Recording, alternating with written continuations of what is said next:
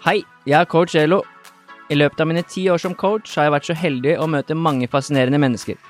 Dette er mennesker som er målretta, og som har en spesiell drive for å bli bedre. I denne podkasten har jeg fått sjansen til å sette meg ned med flere av disse, hvor de deler åpent og ærlig fra sin historie. Her deler de både erfaring og verktøy som er verdifulle for alle som ønsker å skape en forandring i livet sitt. Har du et mål eller et ønske om å forandre noe i ditt liv? Da er denne podkasten for deg.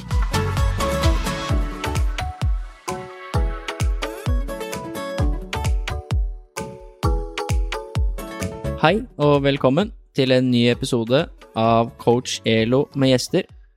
Denne episoden er den siste i den sesongen her, eh, og så blir det ikke noen ny episode før i august. Og det er rett og slett fordi eh, jeg trenger en liten eh, sommerferie. Det er mange ting som skjer. Jeg skal flytte til et annet land, og jeg skal litt mellom jobber og diverse, så da, da blir podkasten litt nedprioritert. Men derfor er det jo ekstra gøy at denne episoden her blir litt spesiell, og det er en god kompis som er med. Det er en interessant og ærlig og brutal historie vi skal få høre, som jeg er ganske sikker på at er ganske fengende for dere som skal lytte. Og personen som er med, han heter Kjetil Finnes og er Norges sterkeste mann tre år på rad. Han er en god kompis som jeg møtte i Kristiansand for første gang for ca. fire år siden, tenker jeg, når jeg jobba i Vipers, og så har vi ble vi gode venner der nede, og har vært det siden og har kontakt. Og akkurat nå er han på besøk i Lier, så velkommen til deg, Kjetil. Takk for det, takk for det. Du tok den lange veien fra det blide Sørland til det enda blidere Lier. Jeg må si det, det var ikke verst at det var seks varmegrader mer her enn det var nede hos oss. Det hadde jeg aldri trodd. Nei, det er fint i Lier nå. Ja. Du valgte rett helg å komme på. Ja, det var nydelig. Ja, du kom på fredag. Nå er vi på søndag. Og vi har hatt en eh, fin helg, eh, syns jeg. Vi fikk jo trent litt i går. Vi fikk komme og se CrossFit Asker, der vi har jobber. Og hva syns du om senteret, Kjetil? Er det godkjent? Ja, det er et uh, utrolig kult senter, altså. Det, det dere har fått til her borte. Det er um, ja, hele sammensetninga var behagelig å være der inne. Det var god luft. Det var bra utstyr. Uh, og kontoroppsettet og Ja, det var kjempebra. Det er et av de tre beste sentrene jeg har vært på. Ja, det er kult. Ja. Det er kompliment, for du har vært på noen senter opp igjennom. Ja, det har jeg. Så. Og som vi hører, så er du jo fra Sørlandet. Du ikke bare bor der, men du er derfra. Ja, du hører ikke feil. Nei. Nei. Men det har vært hyggelig. Vi har spist god mat, møtt noen andre gode venner som du har blitt kjent med eh, via meg, på en måte. Lars Olav og Sondre og kollegene på CFA. Mm. Eh, fin gjeng. Hadde en bedre middag her i går med Lars Olav. Han var ganske flink til å lage mat. Ja, veldig. Han eh, imponerte. Ja? Så skal sende han beskjed om å få oppskriften etterpå. Ja. Og så fikk du et, eh, fikk et greit måltid av meg i dag òg. Ja, i dag, ja. ja. Ja, det var prikken over i-en. Ja, du, du, kan lage mat, du òg. Ja, ikke så god som Lars Olav, men det var, det var greit. Det var ikke så gærent. Vi har vært og spilt litt fotballgolf også i dag. Vært og fått litt D-vitamin og ja, hatt en litt sånn rolig søndag. Man trenger det noen ganger, i hvert fall for deg som trener så mye. Ble du imponert over eh, skillsene? Ja, ikke i starten. uh, men så blei du ganske god underveis. Ja. Uh, og du, hadde, du, slo meg, du, slo meg, på noen høl òg, ja. faktisk. Du var vel også den som var nærmest en uh, hole in one i dag. Ja. Uff, det var meget nære. Det var moro. Ja. Det var en ny og fin opplevelse å kunne spille fotballgolf. Det var gøyere enn jeg hadde trodd, altså. Det var kjempemoro. Så dere er heldige som har det her, altså. Ja, det er kult. Det er 18-hulls bane i Lier. Eh, er det noen kompiser eller venninner som går rundt der, så bruker du fort et par timer. Ja. Så det er en fin sånn sosial uh, avkoblingsgreie, og spesielt når det er 25 varmegrader, da. Det hjelper, det. Ja, altså fint når du har trent sånn som vi har gjort, og så får beveget seg litt annet etterpå og sånn. Ja. Det har vi godt av. Blir en sånn aktiv restitusjonsøkt for deg, det. Mm. Det er fint. Så det er en sånn lavterskelgreie, og morsomt. Uh, nå skal vi spille inn podkast mm. før du reiser hjem. Kanskje vi rekker å se litt uh, Final Four uh, på Vipers, som du har fulgt litt med på de siste årene? Ja, det Jeg har aldri engasjert meg i håndball før jeg traff det. Nei. Det har jeg ikke. Men det er moro. Har, har du en coach som heter Hans Jørgen, og han er jo nå fysisk trener i Vipers. Han tok over min jobb når jeg flytta tilbake til Østlandet. Så han er jo nede i Budapest nå. Mm. Så en liten eh, shout-out til Hans Jørgen, som skal sitte og se på finale om ca. 55 minutter. Så det blir, eh, det blir spennende. Jeg tror Vipers tar hele driten i år. Altså. Jeg har good feeling på det òg. Det har jeg. Har du òg? Det er eh, det, Jeg tror det blir overlegen seier, faktisk. Så jeg kan si det nå, jeg tror de vinner med over fem mål. Jeg støtter deg på den. det blir spennende å se, i hvert fall. Mm. Men før det så skal vi jo spille litt podkast, og vi skal høre historien din. Ja. Eh, hvordan er det ser ut for deg akkurat nå?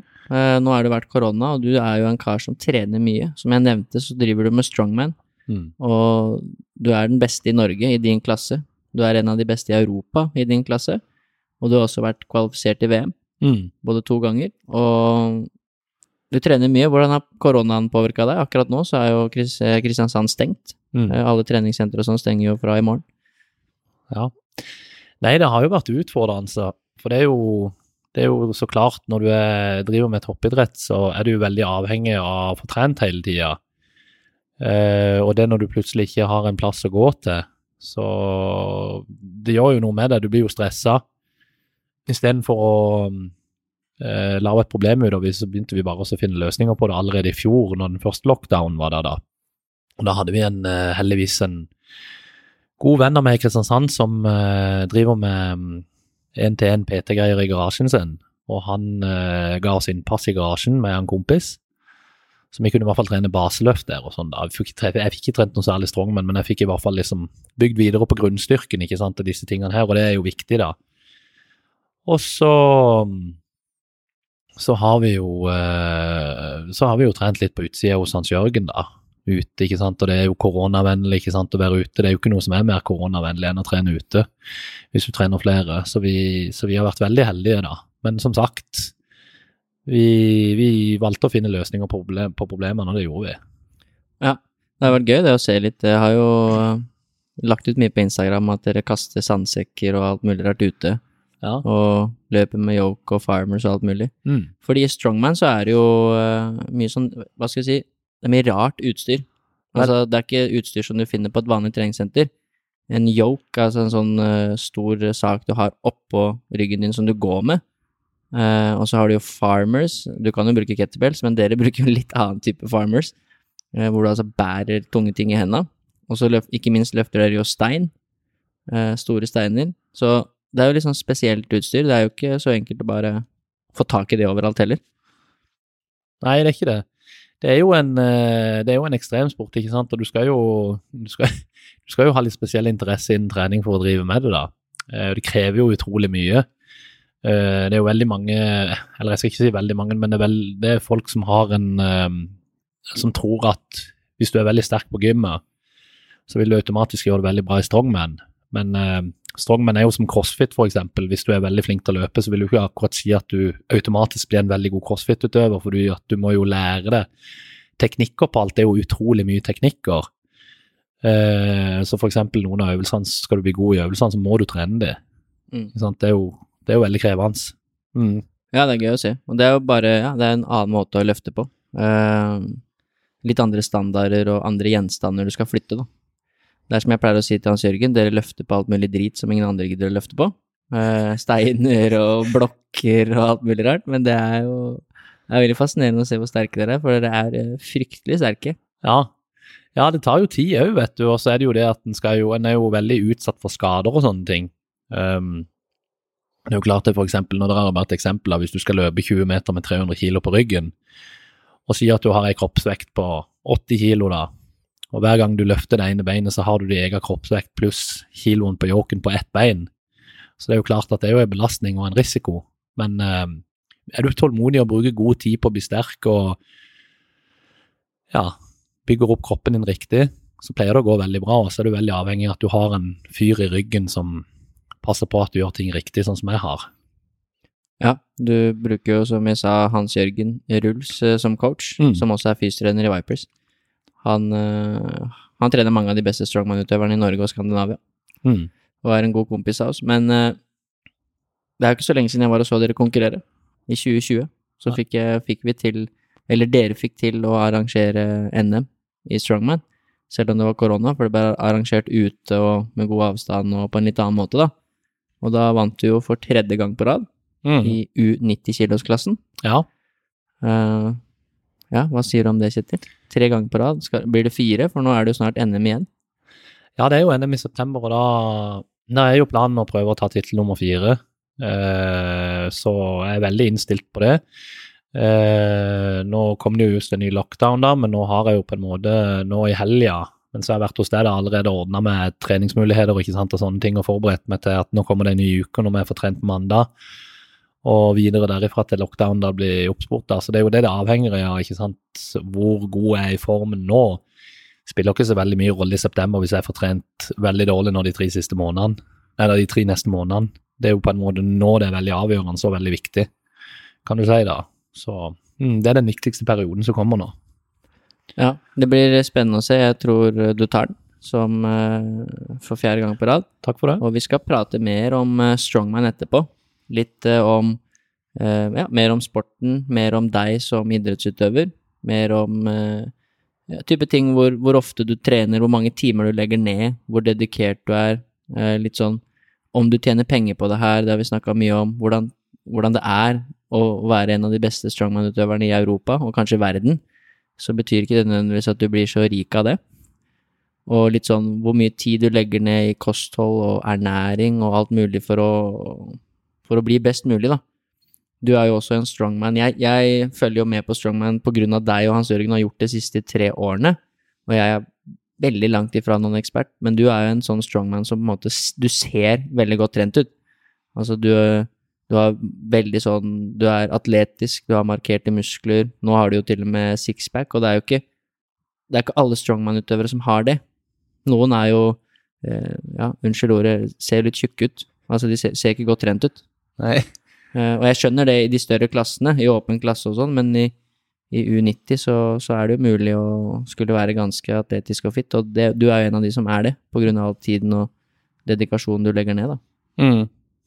Ja, nei, det går jo veldig mye på at eh, jeg spiser jo veldig rent og bra. Det vet du jo sjøl.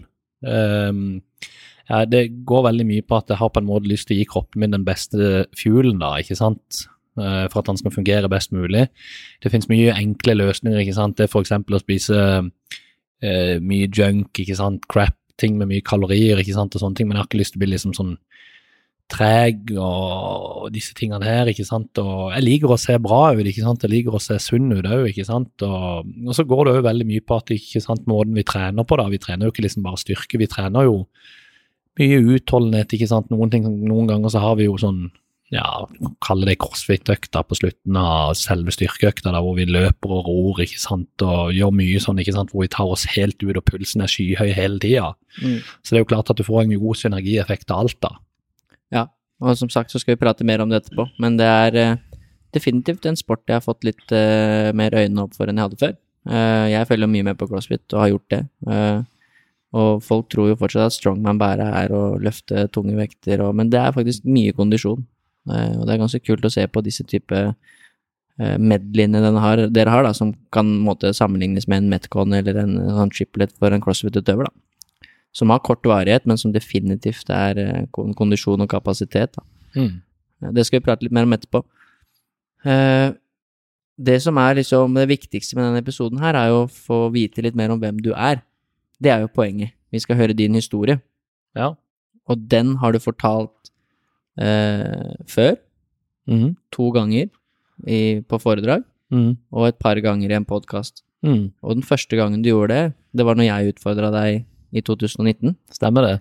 eh, på Vipers Akademiet. Da hadde vi et seminar og eh, mye faglig input, men jeg ville også alltid ha med en eller to litt, eh, hva skal du si, spesielle personer som skulle fortelle sin historie.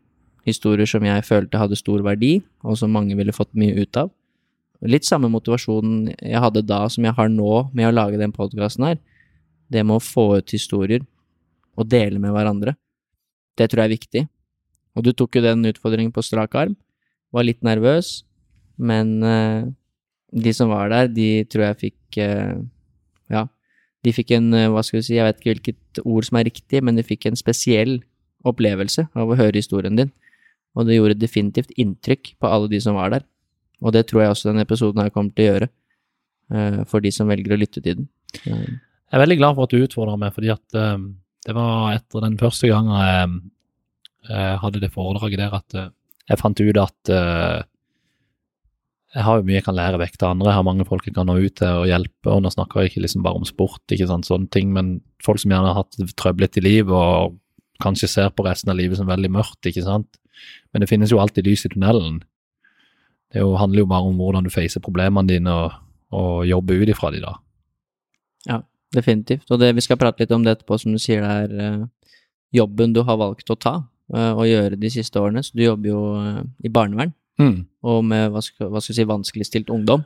Ja, altså ungdommer som ikke har hatt noe greit i livet, som gjerne på en måte har havna på dårlige plasser, som de gjerne ikke har valgt sjøl pga. at de har hatt en vanskelig barndom, havna i feil miljø, ikke sant. Og når du har levd et sånt liv som meg, så har du på en måte mye verktøy du kan hjelpe dem med, da.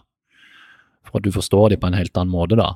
Ikke nødvendigvis fordi at du opplevde nøyaktig det samme, men noe tilsvarende, da. Ikke sant. Og det hjelper jo. Definitivt. Og det, det er kult at du tok den utfordringa. Det er gøy å se at du fortsetter å gjøre det i jobben din på et sånt, hva skal vi si, privat grunnlag, men at du også noen ganger gjør det litt sånn i gåsetegn offentlig med å holde foredrag og sånne ting. For at eh, jeg tror folk har godt av å høre den historien, og som du sier, så kan det hjelpe mange andre som har hatt det tøft.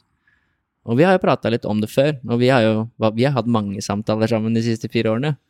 Om Ja. egentlig alt mulig. Mm. Eh, vi har mange dype samtaler sammen. Eh, alt fra tull og tøys til dype samtaler. Og Mm. vi snakka om det seinest nå, rett før vi spilte inn podkasten, at eh, du var nede på, på bensinstasjonen her og skulle kjøpe et par kapper kaffe til oss. Mm. Og da møtte du tre politimenn i døra, Ja. eh, hvor alle, alle tre så på deg eh, veldig lenge og fikk litt den du kaller for stirren. Mm.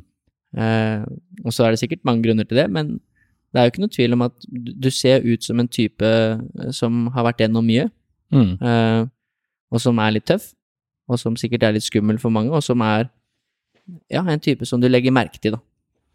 Og du er stor og sterk, du har store muskler, du har tatoveringer både på halsen og på nakken og eh, på armer og så videre, og du ser ut som en kar som har vært gjennom litt ting, og hvordan, hvordan er det for deg, litt om det med at som, Det var du som tok opp denne historien her i stad, at du bare fortalte det på gøy at de tre de stirra veldig på deg, Mm. og du skjønte ikke helt hvorfor.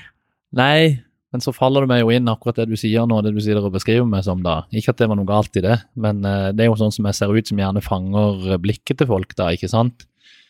Um, og uh, det kan være flere grunner til det, men i de fleste tilfellene så opplever jeg jo det fordi at folk tror at du er en ja, kriminell, da.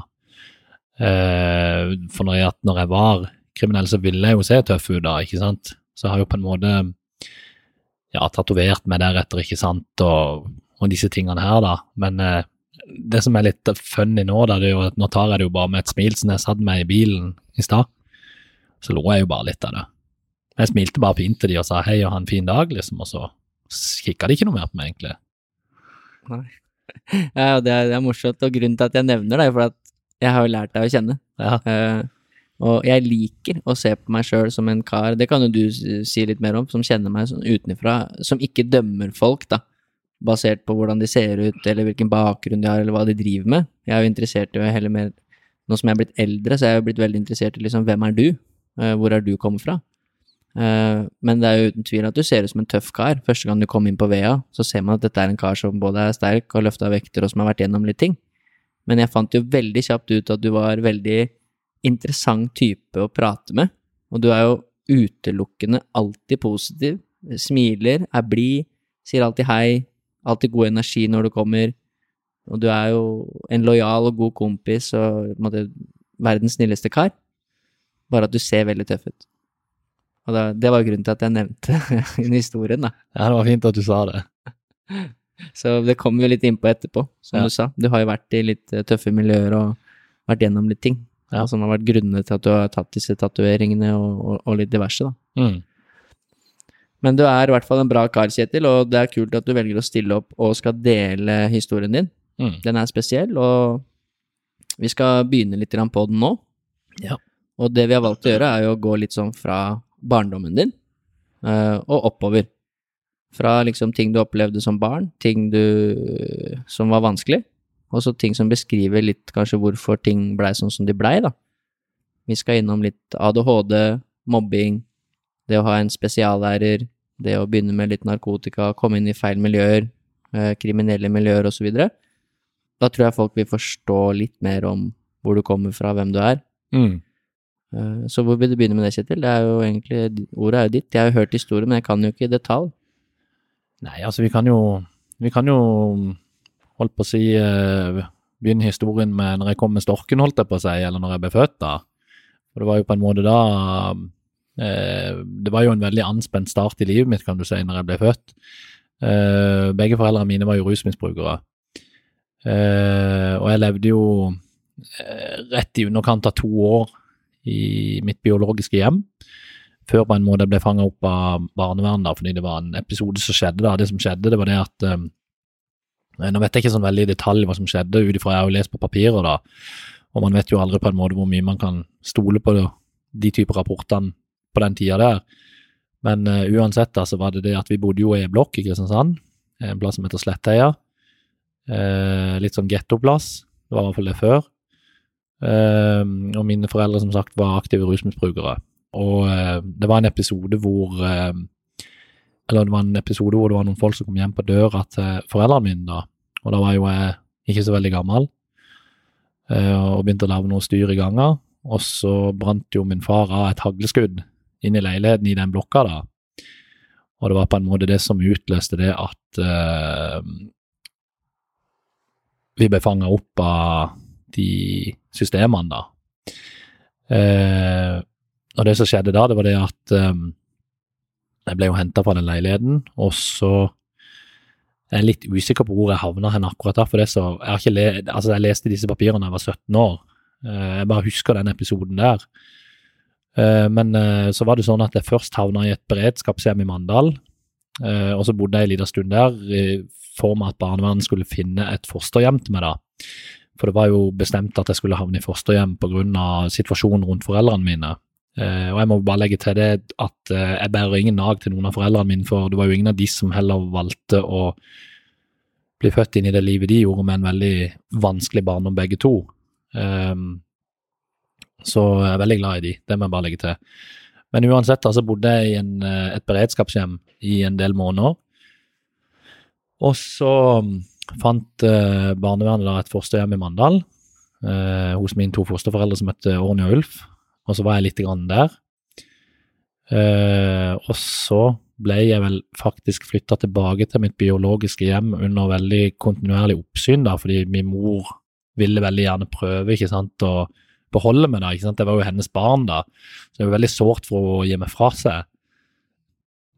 Men så fungerte det ikke så godt, så havna jeg i dette beredskapshjemmet igjen. Og hadde vært der en liten stund, så havna jeg til slutt i det første hjemmet hos Orny og Ulf, da. Og ble bosatt der, da. Og skulle vokse opp der. Eh, Så det var egentlig der det starta, kan du si, i begynnelsen av livet. Ja, og det er som du sier at eh, selv om du var ung, da, så Dette har vi snakket om før, og vært innom det i noen andre episoder òg, hvor mye ting eh, vi opplever som barn har å si, da, for mønsteret vi danner oss, og for litt hvordan vi blir, og for ting vi tar med oss videre i livet, da. Selv når man er veldig, veldig liten, og kanskje ikke til og med husker det engang.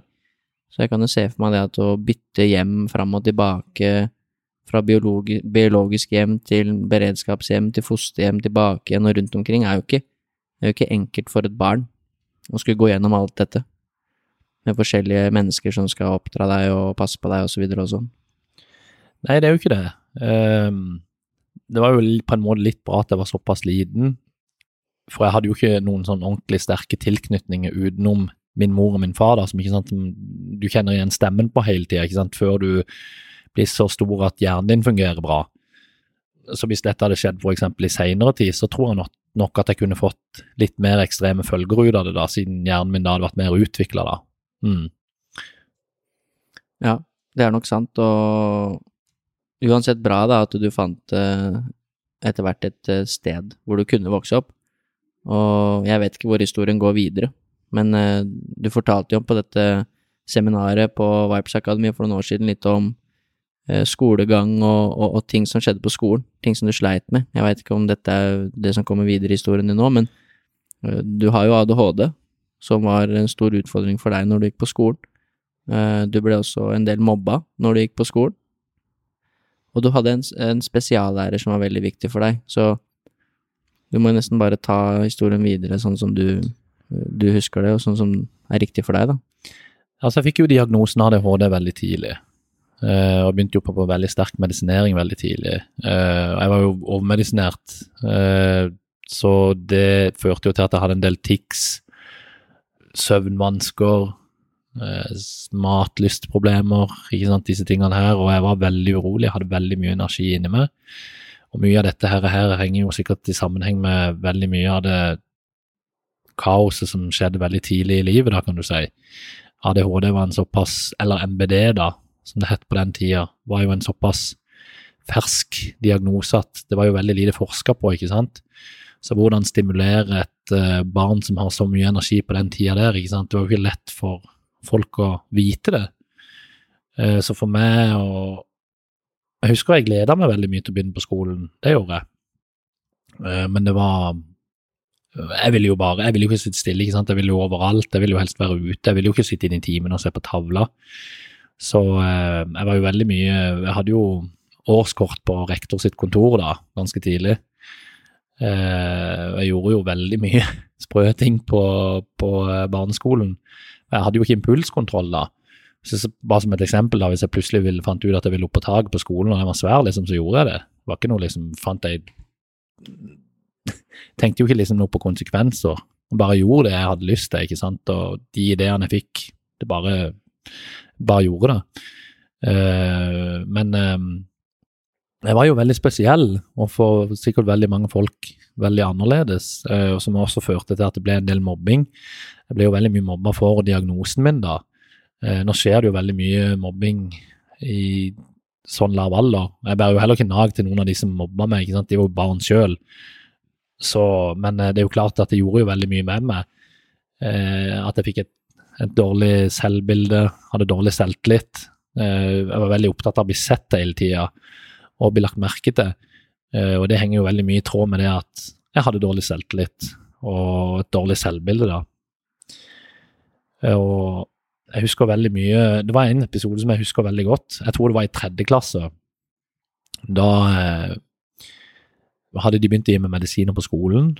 eh, og, eh, og, jeg husker jeg satt i timen, og det var helt stille. Uh, jeg husker den episoden så akkurat som det var i går. Og plutselig så hører jeg bare liksom en sånn pipelyd oppi uh, kateteret til læreren, og alle sammen kikker opp. Og så tar læreren ut en sånn liten medisineske med en sånn timer på, og tar opp en tablett går ut på gangen, henter et glass med vann og kommer ned og gir meg tabletten foran alle elevene. Og du kan jo sjøl tenke deg hva, hva får det alle de andre barna til å tenke, da.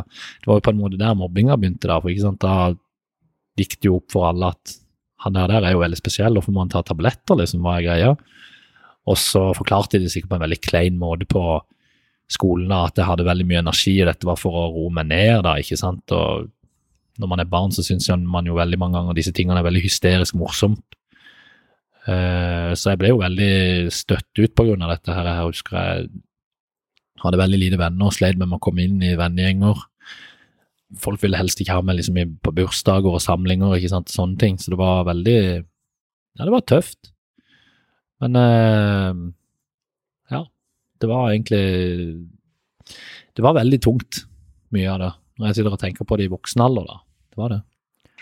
Ja, det virker jo som Jeg kjenner deg jo ganske godt nå etter disse årene, og virker, du er jo en reflektert kar også, og som har brukt tid på å forstå øh, historien din, eller forstå bakgrunnen din, og hva det er du gikk gjennom, og hvordan det har påvirka deg, da.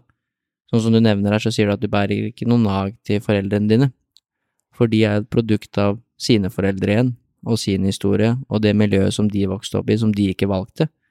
Eh, og du bærer ikke noe nag til disse som mobba deg på skolen, sier du, fordi de var jo barn selv. Så det er kanskje en liten digresjon, men tror du det er en av grunnene for at barn, som du sier, er jo ikke nødvendigvis onde, de mobber jo ikke for å være onde, tror jeg. Eh, tror du det er fordi Sånn som det med den pilla, da, foran alle. Tror du det har med, med, mer med å gjøre at eh, du skiller deg ut, da. Du er annerledes enn alle andre. Så da blir det enklere å på en måte pirke på deg, eller hva? Har du noen tanker rundt det, hvorfor eh, liksom mobbing oppstår? Det er veldig vanskelig å si, eh, men eh, jeg har jo et inntrykk av at når barn mobber andre, så er det jo veldig mange ganger på grunn av at de kanskje sliter med et eller annet sjøl, da. Uten at jeg selvfølgelig skal si at det gjelder alle. Fordi at du trenger på en måte ikke feile deg noe fordi at du slenger dritt til noen, da. Vi, vi, mennesker vi er jo rare, vi gjør jo mye rare ting. Men det er veldig vanskelig å si, altså. Det, jeg har ikke tenkt så veldig mye på det.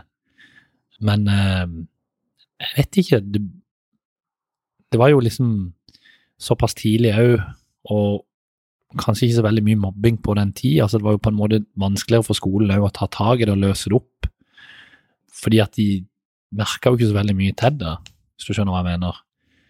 Eh, for jeg holdt jo veldig mye inni meg eh, ganske lenge. Helt til jeg tror det var sjette klasse. Da rabla det skikkelig for meg. Da klikka jeg, husker jeg, på en annen elev eh, på vei hjem fra skolen. Jeg trenger ikke si hva som skjedde for noe, men jeg, jeg, jeg klikka veldig. Jeg husker jeg, jeg var ikke noe snill da. Eh, det gikk veldig mye utover den andre eleven. Men det var på en måte da det løste ut eh, en trigger hos min stefar, da. Når jeg kom hjem og var ganske langt nede, grein, og så ville jeg ikke si hva det var.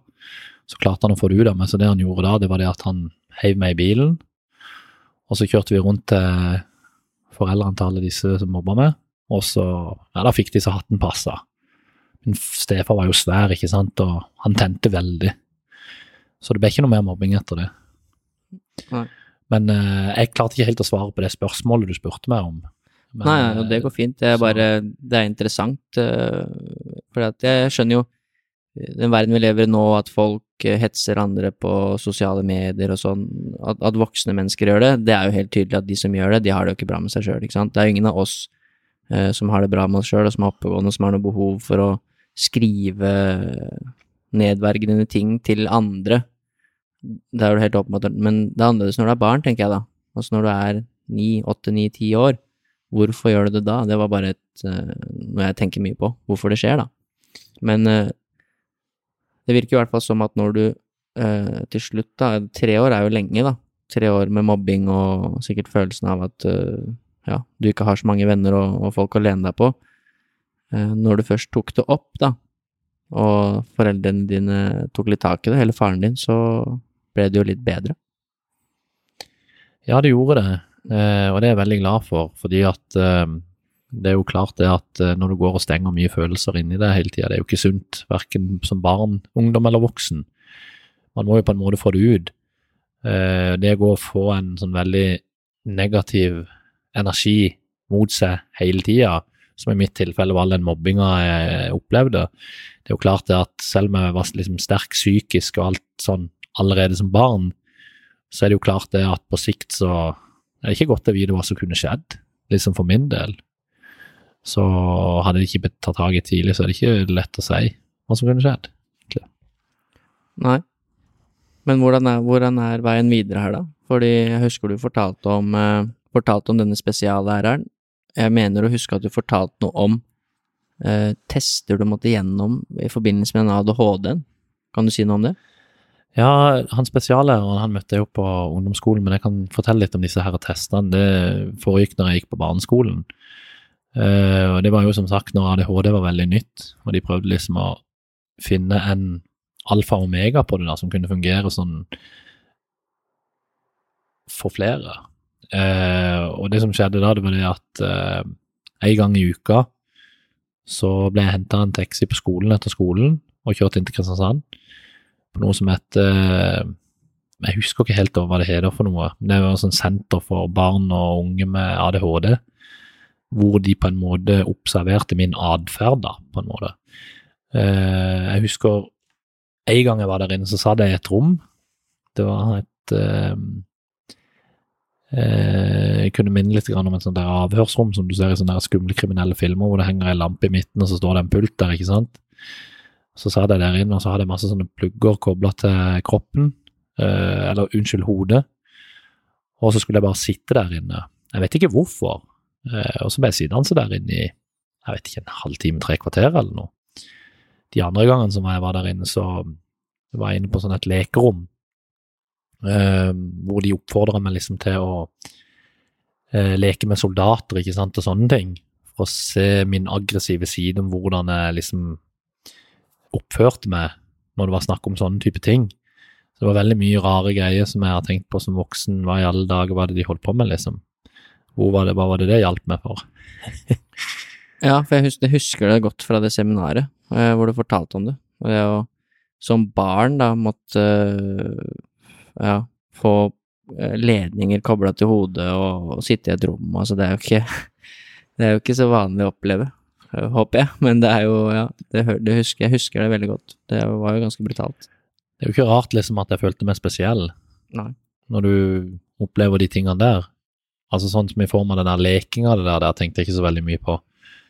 Men når jeg satt inne på det rommet der og som en eh, Jeg husker ikke hvor gammel jeg var. Syv-åtte år eller noe sånt. Det farer veldig mye tanker gjennom hodet ditt, da. Og så får du på en måte ikke noe ordentlig svar av de der inne heller, følte jeg. Eh, så ja, det ble bare sittende som, som et stort spørsmålstegn, egentlig. Ja, Men det var i hvert fall i forbindelse med ADHD og, Ja. og ting de ville prøve å finne ut av, da. Hjerneaktivitet og sånne ting. Ja. Mm. Men så er det som du sier, du kommer over på ungdomsskolen. Der får du en spesiallærer, som jeg husker veldig godt at du fortalte om. Ja. Som eh, så deg litt mer for den du var, eh, lot deg være den du var. Og jeg husker også, mener å huske at du fortalte at den lot deg være mye mer aktiv da, enn man kanskje er på skolen. For som du sa, så er jo eh, det folk forbinder med ADHD, tror jeg fortsatt, er at- unge blir litt sånn gærne. Men det er jo en reell diagnose, og noe av det største problemet for mange er at du har mye energi. Mm. Det er vanskelig å sitte stille, det er vanskelig å konsentrere seg, og det er vanskelig å lære på den tradisjonelle måten, sånn som man er ment til å lære på skolen.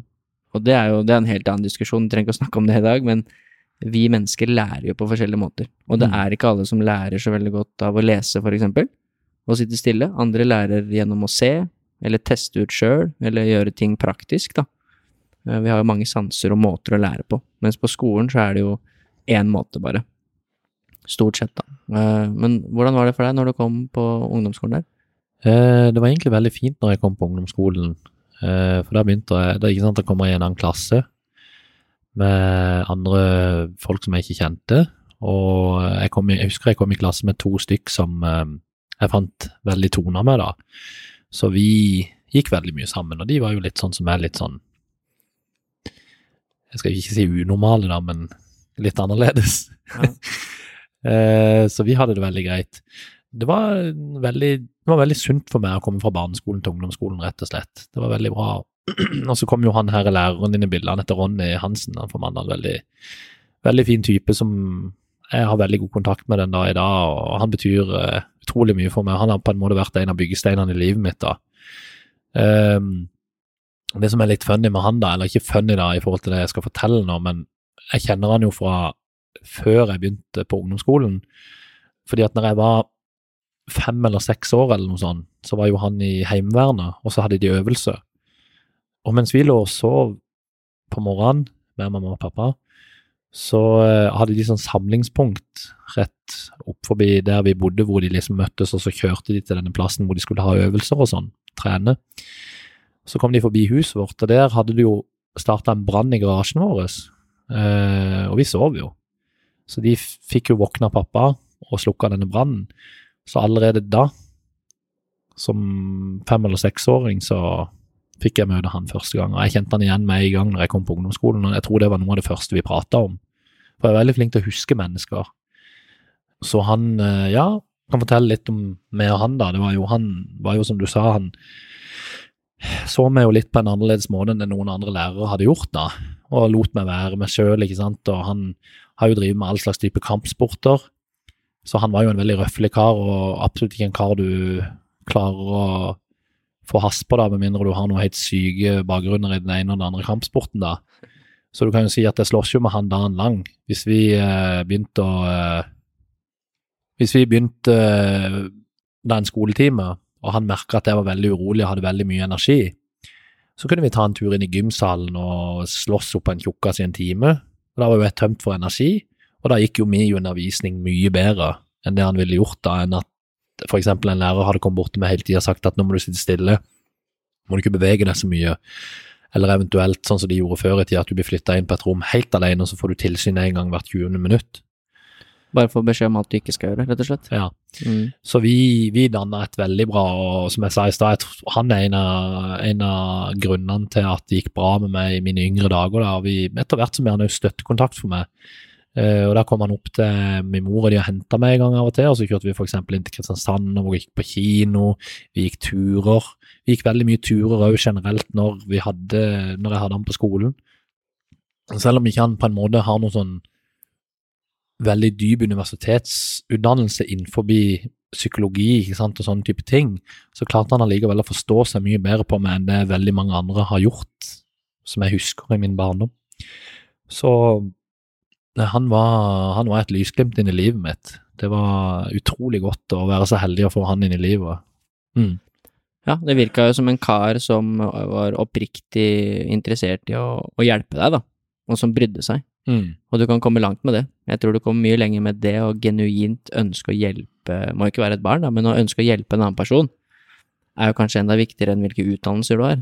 Det, det er den medmenneskelige egenskapen som han hadde, da, som virker som var spesiell.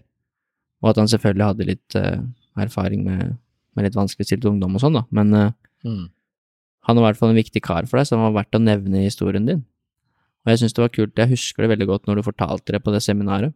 Uh, og jeg har jo kompiser, venninner og så videre, som også har slitt med Noen har ADHD og er åpne om det, men som også har slitt med konsentrasjonsvansker og ser jo det at i skolesystemet så Vi trenger jo mer av det, at folk blir sett for den de er, sånn som med deg, da. Isteden for å få beskjed en hel time av at du gjør ting feil, og du må sitte stille, og nå må du slutte, og nå må du ikke gjøre sånn og sånn, så blir du heller tatt ut, vært aktiv en time, og så kommer du tilbake igjen, og så klarer du da å konsentrere deg og, og få ja, utløp for det du skal. Ja, det er jo veldig viktig. Du trenger jo stimulering når du har såpass mye energi, og du trenger aktivitet. Eh, og det er jo på en måte det som er veldig Altså, det finnes jo forskjellige typer ADHD, men sånn som meg, jeg hadde jo ufattelig mye energi. Uh, og eh, det er jo klart det at for meg å sitte stille, det var helt umulig. Og det å da kunne elte med han eller gå turer eller gjøre ting som han så var veldig nyttig for meg, i forhold til at vi skulle fått til den undervisninga, det var jo gull verdt da. Mm.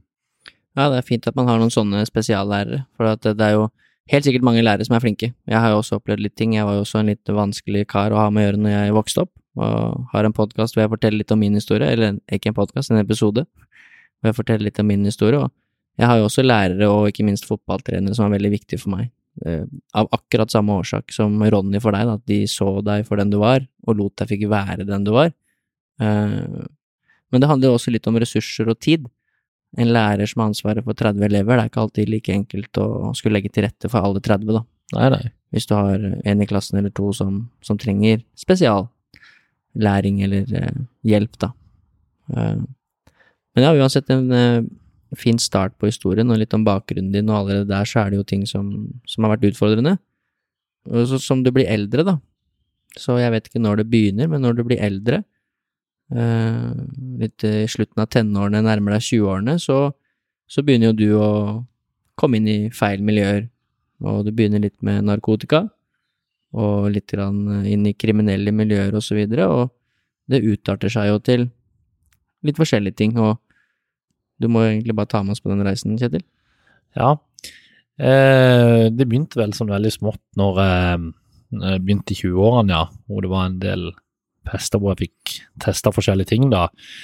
Uh, og det er jo det som er litt synd, at det er veldig mange veldig mange som har ADHD hvor dette skjer med, da.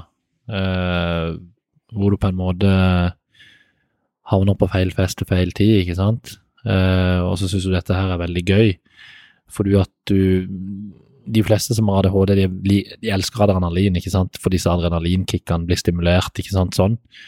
Eh, Når du holder veldig mye på med, når du holder på med kriminalitet, stoff og sånn, så opplever du jo veldig mye av disse tingene. Eh, Jeg var på en måte aldri avhengig av noen form for narkotika, men jeg brukte det fordi jeg syntes det var veldig gøy. Det ga meg en veldig, og jeg må understreke, veldig falsk lykke. Det var ikke noe ekte lykke i det, men for meg så trodde jeg det var ekte, hvis du skjønner hva jeg mener. Mm. Og hele det kriminelle er jo på en måte, når du ikke har drevet med kriminalitet før, og begynner med det, så min oppfatning av hvordan det jeg skal ikke si at dette liksom er hvordan det fungerer, men sånn som jeg har sett i ettertid for min del at det var, det var det at veien min inn i det miljøet, det var på en måte bygd opp av barrierer da. Du begynner en plass, eh, hvor du eksempel er på fest, da, så begynner du å ta ting, og så blir det en vane, og så etter hvert så begynner du å selge ting, og så blir det en vane, ikke sant? Og så baller det bare på seg. Og det er ufattelig, hva skal jeg si for noe, skummelt hvor langt du kan strekke det i forhold til mye av de gale tingene som jeg opplevde og sånn. Um, så vi kan snakke litt om det. Uh, det er selvfølgelig ikke sånn, Jeg kan ikke gi så veldig mye detaljer, det sa jeg jo til deg, men det vet du jo om da, før vi begynte denne podkasten i forhold til navn, enkelte episoder og sånne ting, og det er litt på grunn av at uh, uh, det er sikkert noen unge folk som hører på dette, og så er det på en måte et eh, liv som jeg har Det er på en måte et liv som jeg har lagt bak meg, da, og prøver ikke å tenke så veldig mye på. Eh, men eh, hva skal jeg si for noe? Nei, det ga meg veldig mye rush. Jeg hadde det veldig gøy, trodde. Og grunnen for at jeg sier det, det er jo selvfølgelig på grunn av at nå som jeg har vært der, så kan jeg si for min egen del at dette gjorde ingenting annet for meg enn at jeg fikk veldig mye verktøy av det. Jeg sitter ikke igjen med eh, noen ting nesten etter det, annet enn en masse venner som kom og gikk i livet mitt, episoder, eh, ja til og med episoder hvor det kunne hatt fatale følger for min egen, mitt eget liv, i sant, og disse tingene. Men eh, greia er det at når du holder veldig mye på med de tingene, så pusher du jo grenser, som jeg sa i stad, foran deg hele tida. Gjør du én ting, så blir det lettere å gjøre det igjen. Du vil kanskje gjøre noe som er litt mer heavy, og så gjør du det. Og så baller det bare på seg som en snøball som du slipper i en bratt bakke. Så skjønner du hva jeg mener. Mm.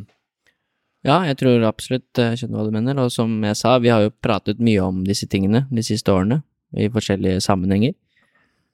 Eh, og jeg, tror det er litt sånn vi mennesker er, vi fungerer jo ofte ganske bra i grupper, og vi vil jo ofte ha tilhørighet, da, og vil ofte hevde oss inn i en gruppe eller en klubb eller et lag eller uh, miljø, da. Og det tror jeg på akkurat samme måte, det kan jo du svare på som har vært veldig dypt inni det, at på lik linje som at du, hvis du driver med håndball, fotball, strongman, så vil du jo hele tiden pushe grenser der òg. Du har lyst til å bli bedre. Du har lyst til å ok, nå klarte jeg den steinen, nå vil jeg klare den. Noe som er enda liksom råere, eller som gir et enda mer kick eller rush, da.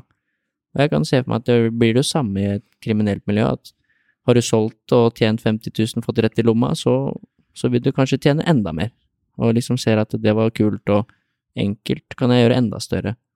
Eller så har du testa et type stimulant, så vil du teste noe som er sterkere, som kanskje gir deg enda liksom mer effekt, og som kan jeg se for meg at det baller litt på seg, da. Og grunnen til at jeg sier det, er jo for at jeg, jeg har jo mange tidligere venner og miljø, miljø jeg også, som jeg var i, som, hvor mange havna der. Litt uh, samme som med deg, uh, med narkotika og litt inn og ut av fengsel og så videre, og solgte litt ting og, og så videre, og det, det, det er fort gjort å havne feil. Og jeg tror, som du sier, at eh, når du først kommer inn, så kan det være vanskelig å komme ut igjen. Uh, ja. Ja, det er jo på en måte det at, og sånn som det var for min del spesielt, det er jo det at eh, jeg har jo, sånn som jeg sa i forhold til ungdomsskolen, ikke sant, når jeg hadde veldig mye energi, så møtte han læreren som gjorde alle disse tingene med meg, som gjorde at jeg på en måte fikk alle de behovene mine dekt. Og adrenalin er jo som sagt en veldig viktig del i Eller det er en viktig del i mitt liv, da, ikke sant, det å gjøre ekstreme ting, da.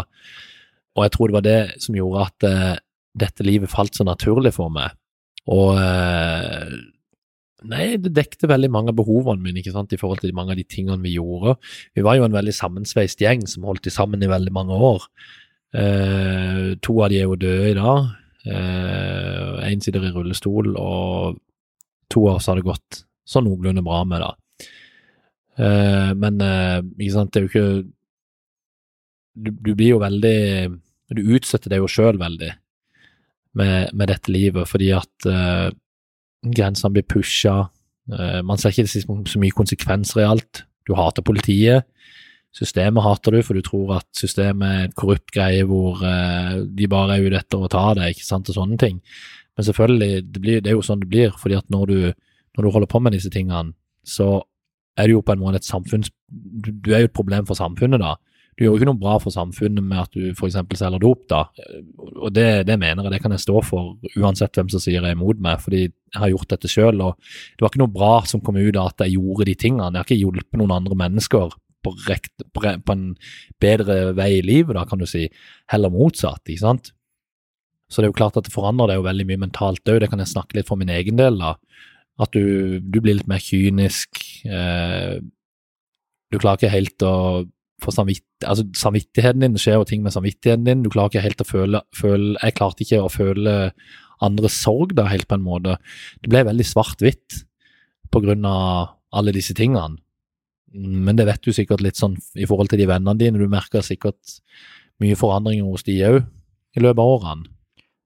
Ja, absolutt. Det er som du sier, det litt med liksom for eksempel med stoff, som du sa, da, så er jo det så enkelt som at man starter med å røyke, og så tester man kanskje hasj, og så tester man kokain, og så, ikke sant, sånn at det, det hele tiden skal gjøres kulere og tøffere, og man pusher de grensene med adrenalin og, og disse opplevelsene man hele tiden leter etter. Det, det, kan jeg kjenne meg igjen i og huske veldig godt, da, fra det, og eh, det andre er jo litt sånn som du sier, det med å selge ting og tjene penger og Det er veldig lettjent ofte, ikke sant? Det føles veldig enkelt. Så da, det er akkurat som med gambling, tror jeg. Hvis du gambler og du vinner mye, så kan det være veldig enkelt å bli avhengig av det, for at det føles så lett. At det kan jeg jo bare gjøre igjen. Eller jeg kan doble det, og kanskje gjøre det, tjene enda mer, ikke sant. Så jeg, kan, jeg skjønner tankegangen din og hva du mener. Men jeg tenkte uh, vi skulle ta noen historier, fordi at uh, som du sa der, så, så er det ting du ikke kan snakke så mye om, eller du vil ikke snakke om. Uh, litt i forhold til spesifikke klubber, miljøer, gjenger og sånn, og navn og sånne ting, og det har jeg selvfølgelig stor respekt for. Mm. Um, men det er likevel noen historier som du fortalte på seminaret, noe som jeg husker veldig godt. Jeg husker alle tre. Uh, så vi kan jo ta den første der, som du så vidt nevnte, og det er jo at to av de du var mye sammen med, de lever jo ikke lenger. Uh, og en god kompis av deg, han sitter i rullestol. Ja. Og han har jeg møtt, jeg var i bursdagen din og var ute og spiste i Kristiansand, og da møtte jeg han. Du kobla ikke helt at det var han med en gang? Nei, jeg kobla ikke at det var det. Jeg liksom tenkte jo ikke noe over det, hilste jo på han, han var en hyggelig kar og sånn. Mm. Og så gikk det jo litt opp for meg, husker jeg, underveis i middagen at dette er jo helt Dette må jo være han som du har fortalt om, mm. som ble lam uh, når dere gjorde ting dere ikke skulle gjøre. Og det er jo en tøff historie. Så du, du kan jo bare ta den. Han sitter jo i rullestol, og det må han gjøre resten av livet. Ja, eh, med mindre at de en gang klarer å utføre en operasjon på han, da, som han har snakka litt om. Ja. Eh, men eh, jeg må jo bare si det at eh, for et, han, den personen der Jeg tror det må være et av de sterkeste menneskene jeg har møtt i hele mitt liv. Eh, det å få livet sitt snudd opp ned sånn. Allikevel så klarer han seg så bra som han gjør nå. Nå har han begynt å jobbe, ikke sant. Han kjører sånn transportbil på en måte som er tilrettelagt for han, hvor han f.eks. kjører eh, Foran en svær lastebil som skal eh, frakte en svær eh, gravemaskin hvor du, du, har sett det på veien når det står bred last, ikke sant, og så Skjønner du hva jeg mener? Mm. Så han, han, har på en måte aldri gitt opp. Eh, og han er ikke glad i å bli liksom stakkarsliggjort, hvis du skjønner hva jeg mener. Når, jeg, når, vi har gått sammen og han sitter på i min bil når han skal inn og ut av bilen, ikke sant, så må han jo hoppe inn på sånn, en, sånn et brett da, på en måte, ikke sant, og sånne ting. Men jeg får ikke lov til å hjelpe han. Men jeg, jeg kjenner han så godt, så jeg spør han på en måte ikke om det heller. Og det er vanvittig, og jeg har snakket, hatt så mange samtaler med han, det er vanvittig liksom inspirerende hvorfor en positiv tankegang han har. Han er, han er, et av de menneskene som har inspirert meg mest gjennom hele livet, og jeg har jo kjent han hele livet. Og jeg tror sånn, for, Uten at jeg selvfølgelig skal ta noe standpunkt for han, så tør jeg å påstå at veldig mye av grunnen til at han har takla dette så bra, det er at han også har vært gjennom et veldig tøft liv som meg, som gjør at han har en veldig sterk syke, og han valgte å kjempe mot dette her, her istedenfor å gi opp. Men eh, nei, det var Jeg husker vi skulle inn på en fest i Stavanger, så vi kjørte med to kompiser. Han ene som eh, var med i den bilen, han er jo død i dag, han døde av overdose. Og vi eh, kjørte inn til Stavanger, og der var jo han kompisen min som sitter i rullestol inne på denne festen. Og eh, vi fester der inne. Og eh, du kan jo si det sånn at eh, vi eh, Vi hadde jo ei lita ulykke begge to oss den kvelden der. Det var også veldig spesielt. For jeg husker at vi, vi begynte å gå tom for drikke. Eh, og så snakka jeg med han ene fyren som var der. Han bodde ikke så veldig langt ifra der. Og han sa at han hadde noen kasser øl stående hjemme. Og da sa jeg jo til han jeg kan kjøre det. Og jeg hadde jo drukket og gjort veldig mye andre ting. Eh, så jeg var jo langt ifra kjørbar, og ikke hadde lappen heller. Men det var sånne ting jeg ikke tenkte på, skjønner du. Fordi at jeg så ikke noen konsekvensting av det livet jeg levde da. Dette var helt normalt for meg. Jeg tenkte ikke på at jeg kunne kjøre på noen, ikke sant. Jeg tenkte ikke på hvis jeg krasjer og totalvraker denne bilen og andre biler, så sitter jeg med milliongjeld, ikke sant, og sånne ting. Eller hvis jeg dreper noen, da, med bilen, da. Men uh, uansett, da, så går vi ned i, ned i bilen, kjører. Og han kompisen min, han skulle også ut og ordne et eller annet. Um, så jeg kan uh, Jeg fant jo ut av det som hadde skjedd med han på morgenen, så jeg tar bare min historie først. Så vi kjører bortover ei gate, eh, og jeg var jo veldig sånn ja, gira. Skulle vise han noe musikk eller et eller annet, så jeg drev og dilla med MP3-spilleren i bilen, og plutselig så skriver han bare 'pass', eller 'pass deg', liksom. Og så trør jeg på bremsen, og så ryker vi inn i en bil som står foran oss i et lyskryss, og jeg ble jo dritstressa. Så jeg satte jo bilen i revers og spant av gårde. Og til min store flaks så sto det jo en sivilbil rett foran denne bilen som jeg kjørte inn i, så de tok oss jo igjen på null komma niks. Reiv oss ut av bilen og la oss i håndjern. Og jeg ble kjørt på glattcella etter at jeg hadde blitt tatt blodprøve på ikke sant, og sånne ting, og var på glattcella der hele natta. Også på morgenen, når jeg, når jeg var ferdig med avhør eh, og kommer ut, så slår jeg på mobilen min og eh, begynner å ringe liksom og spørre hvor de andre Da hadde han andre kompisen min krasja. Eh, og hvis jeg klarer å huske helt riktig, du må bare unnskylde meg hvis jeg ikke husker helt riktig hvordan dette var, så hadde han kjørt, jeg tror det var jeg husker ikke helt hvor fort det var, men det var ganske fort. Så hadde han kjørt gjennom ei rundkjøring, og så hadde han ikke klart svingen, og så hadde han flydd i lufta ned på en uh, sykkelsti, da. Så han hadde knukket to plasser i ryggraden, tror jeg det var, og i nakken. Så han eh, lå jo i koma, da. Så vi reiste jo inn på sykehuset og besøkte han. Jeg husker det var veldig sårt å se han uh, inn i senga der hvor han liksom lå med slanger og ledninger og kobla til seg, ikke sant. Og eh, jeg husker spesielt Jeg tror det var tredje, tredje gang jeg besøkte han på sykehuset. Jeg besøkte han veldig jevnlig hele tida. Eh, for det var jo en kar som betydde veldig mye for meg, og i dag også betyr veldig mye for meg, selvfølgelig. Eh, så husker jeg det at eh, doktoren kom og sa til, ta, sa til oss at vi, vi, kunne kommunisere med han nå. Fordi liksom de hadde kommet videre i prosessen med han på en måte, så han kunne høre stemmer og sånn. Men de visste jo på en måte ikke hvor oppegående han kom til å være når han våkna, om han kom til å være to år i hodet på en måte, eller være seg sjøl, fordi at han hadde jo fått noen voldsomme smeller, skjønner du hva jeg mener? Um, så de sa til oss at vi kunne holde han i hånda og si navnet vårt, da, og så si at han skulle klemme oss i hånda. Så jeg husker jeg gikk bort til han, så tok jeg tak i hånda hans, og så bøyde jeg meg over han, så sa jeg navnet hans. Og så sa jeg hvis du hører meg klemme meg to ganger i hånda, så klemte han meg to ganger i hånda, og da husker jeg at jeg knakk helt i sammen med senga der, og da begynte jeg å grine skikkelig. Da, da, jeg ble helt knust. Og da tenkte jeg liksom bare med Det var liksom en sånn der lysbildefremvisning som bare flafra gjennom hodet mitt, for da tenkte jeg bare liksom Gud og flaks jeg hadde eh, når jeg krasja, samtidig som han, at det gikk bra, men når jeg så hvor han var da, Og der begynte jeg jo å tenke litt grann, eh, allerede da. Men så mm, ble jo han flytta til Kristiansand etter hvert, for dette skjedde jo i Stavanger.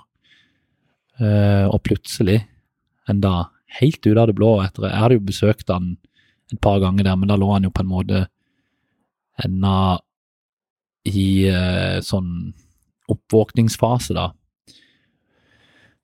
Og eh, plutselig en dag så, så ringer telefonen min, og så står hans navn på telefonen. Og jeg ble jo, jeg ble jo kjempesjokkert da, vet du.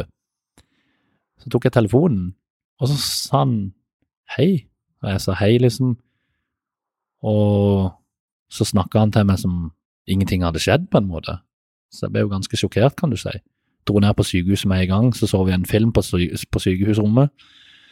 Og etter hvert så kom han hjem, og jeg bestemte meg jo da for at uh, jeg skulle prøve å bruke så mye tid som mulig da, sammen med han da. Fordi jeg husker uh, uh, Eller du vet, det er jo veldig mange, dessverre veldig mange tilfeller hvor folk blir på en måte ramma av disse tingene, og så mister de veldig mye folk rundt seg pga. at folk syns det er veldig krevende å være med dem, for de trenger veldig mye hjelp. Men i min verden så betyr jo ikke det noe. for liksom er du en lojal kompis, så er du en lojal kompis uansett hva som skjer. Selvfølgelig man kan bli uvenner, det kan gå tider Altså, vi ble uvenner i enkelte episoder, og det gikk, var liksom perioder hvor vi ikke snakka så veldig mye sammen, men vi har på en måte alltid hatt et veldig sterkt bånd som, som, vi skapte veldig tidlig. Så jeg vil si med ganske selvsikkerhet at jeg alltid har vært der for han, på en måte når han har trengt meg, da. Eh, og vi Altså, når jeg sier de gangene han har trengt meg, så mener jeg jo selvfølgelig også komme på besøk, ikke sant, og ta en fest, reise rundt på et eller annet, ikke sant, og sånne ting, da. Du må på en måte aldri glemme vennene dine, uansett hvilken type situasjon de kommer i, for det er jo da de trenger deg mest, selv om de mange ganger ikke gir uttrykk for det. Så det var en veldig det var en veldig spesiell situasjon i livet mitt som jeg kommer til å huske hele livet mitt, kan du si. Ja, det, jeg husker den historien godt. Og det er jo ikke Ja, det, det er som du sier, det er en sterk historie, og ikke minst er det en historie om to gode kompiser, uh, som, som, fortsatt er der for hverandre. Dere er jo fortsatt gode venner. Uh, det er jo ikke mer enn et par år siden var, jeg var i den bursdagen din hvor han var der. Jeg fikk sjansen til å prate litt med henne, og prata ikke om de tingene her, da. Men jeg, jeg forsto etter hvert at det var han, så det var derfor jeg syntes det var litt uh, interessant å ta opp den historien. Og det er jo også en konsekvens av eh, det livet dere levde, da, og det miljøet dere var i. Eh, det å, å, å, drive med narkotika og ja, inn i det kriminelle miljøet der, så er det som vi var inne på, dette her kan jo være konsekvenser på grunn av det. Litt sånn som du sier, du mister den derre samvittighetsfølelsen, empati, øh, følelsen av konsekvenser og ja. Det er jo dessverre litt sånn som det kan gå, og som du sier, så er jo to av disse menneskene også døde. De som, som var også en del av den gjengen der. Og det er likevel fine historier, fine, da, men det er likevel historier som er verdt å ta opp for å forstå litt om ja, hvordan det var å være i den verden som du var i. Selv om du utelater veldig mange av de kanskje verste tingene, og det skjønner jeg godt at du gjør, da, eh, så er det ganske ille når du blir lam for resten av livet, eh, og nesten mister livet ditt. og det kommer oss eh, Det får oss litt over i neste historie. Vi skal ta to til. Og jeg husker ikke sammenhengen med det, men jeg bare husker historien din veldig godt fra seminaret. Eh, og det er jo en Det er jo en situasjon som de aller fleste aldri vil oppleve i livet sitt. Og jeg er glad for det, at det er få som gjør det. Men det er likevel interessant når du fortalte om den følelsen man får når det skjer, og ikke minst hva det gjør med deg etterpå. Uh, og veldig kort fortalt, du skal jo ta historien, men kort fortalt så fikk du jo en pistol retta mot deg på ganske kort eh, hold, hvor livet ditt potensielt kunne vært over ganske kjapt hvis denne personen hadde valgt å, valgt å trykke på den avtrekkeren, da. Eh, så ja, du må egentlig bare ta oss gjennom det. Nei, um vi skulle inn til en by, og eh, meg og to andre og på en måte megle for en fyr som hadde klart å rote seg opp i noen voldsomme problemer. så vi dro inn. Eh, det som var litt leit, det var jo det at historien som vi hadde blitt servert, den stemte jo ikke så godt, kan du si. Men det visste jo ikke vi. Eh, så vi dro inn. Vi traff noen folk i denne byen litt ut forbi på en, eh, en plass da, som det også dessverre var veldig mange andre folk da. Og eh, etter hvert, når disse andre gutta kom, så ble det litt eh, anspent. Det ble en veldig anspent stemning.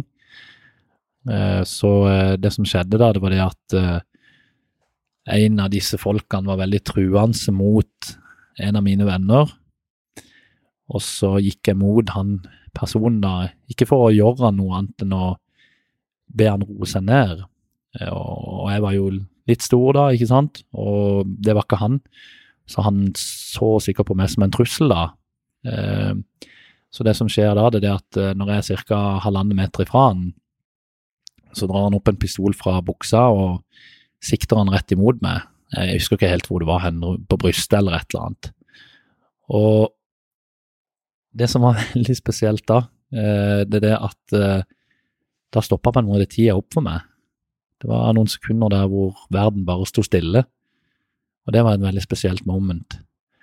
Og eh, jeg selvfølgelig ble jo redd, fordi at eh, jeg visste jo at livet kunne jo ende når som helst. Eh, det har jeg ikke noe problem med å si. At eh, jeg ble redd, det gjorde jeg.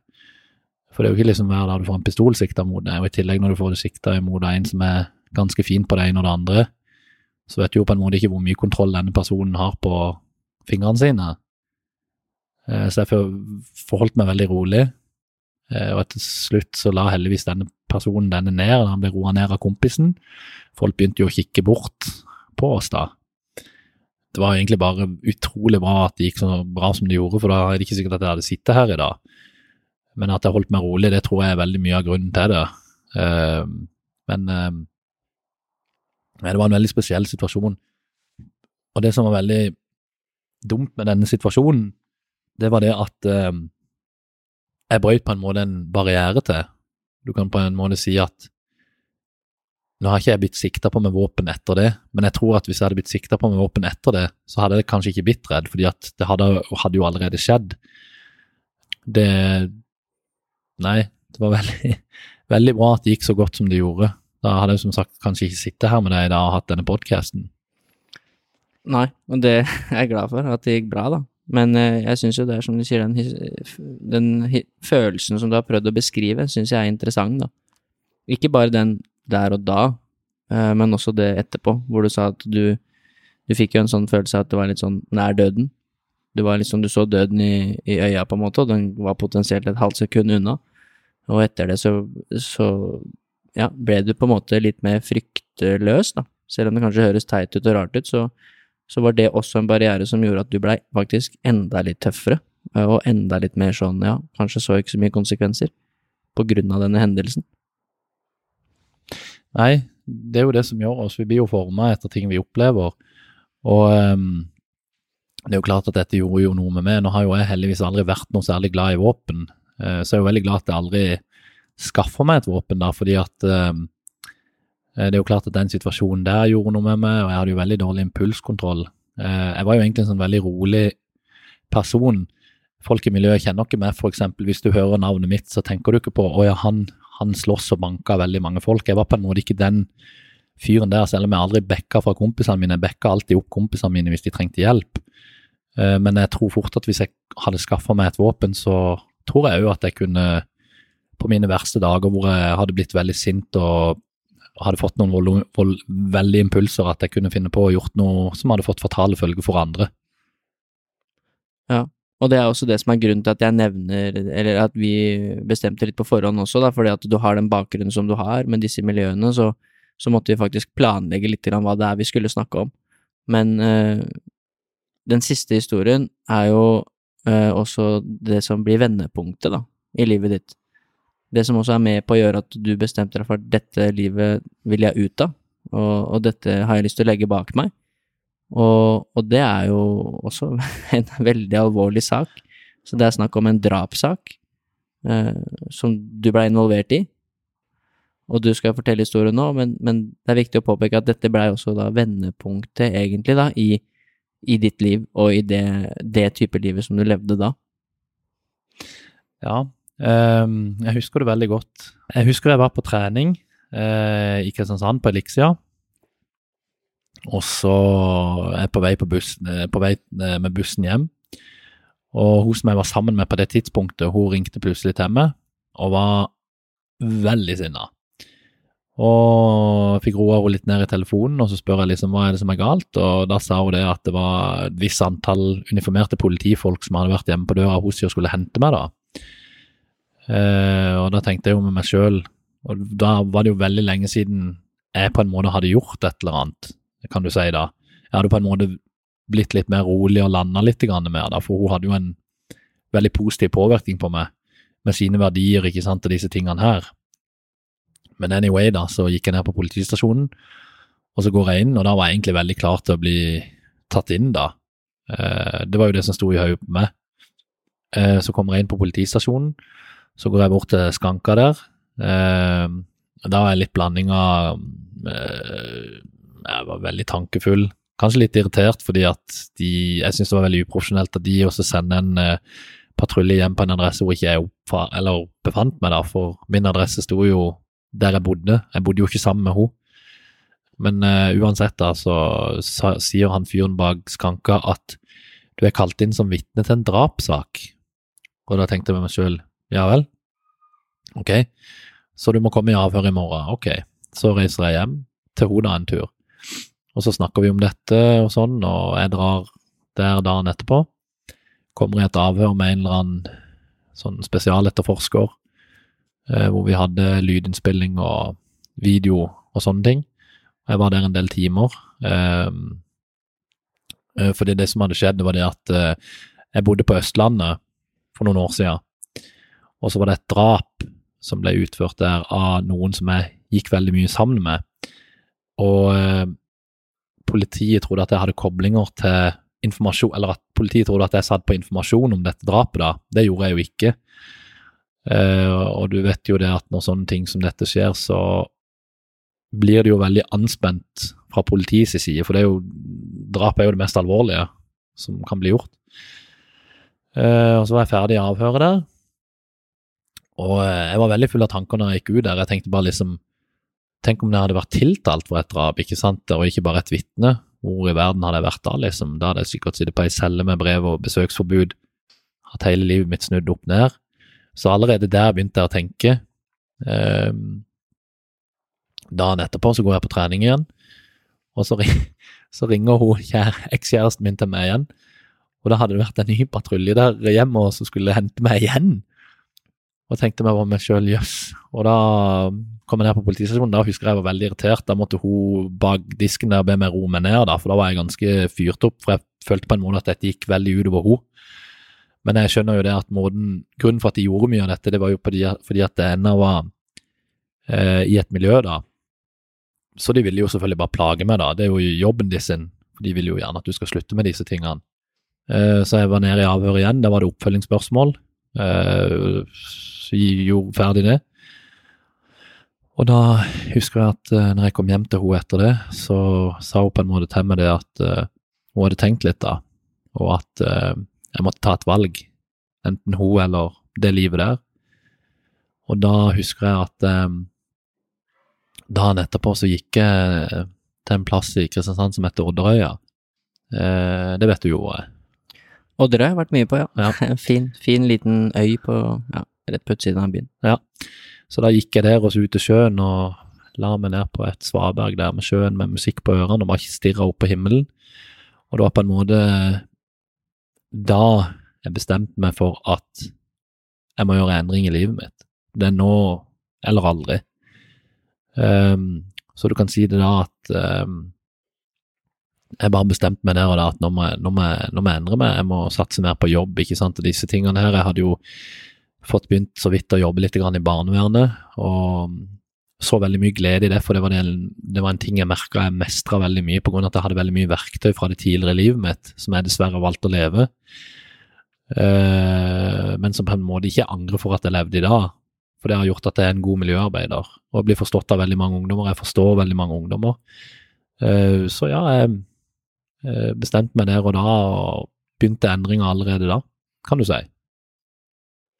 Ja, og det er jo Ja, det måtte kanskje en sånn veldig sånn ekstrem sak uh, til, da, for at du skulle få de tankene, og i tillegg ikke minst uh, kjærlighet, da, som, uh, som er viktig for alle oss mennesker, og når du møter, møter, kjærligheten, så er det mange store ting i livet som kan forandre seg.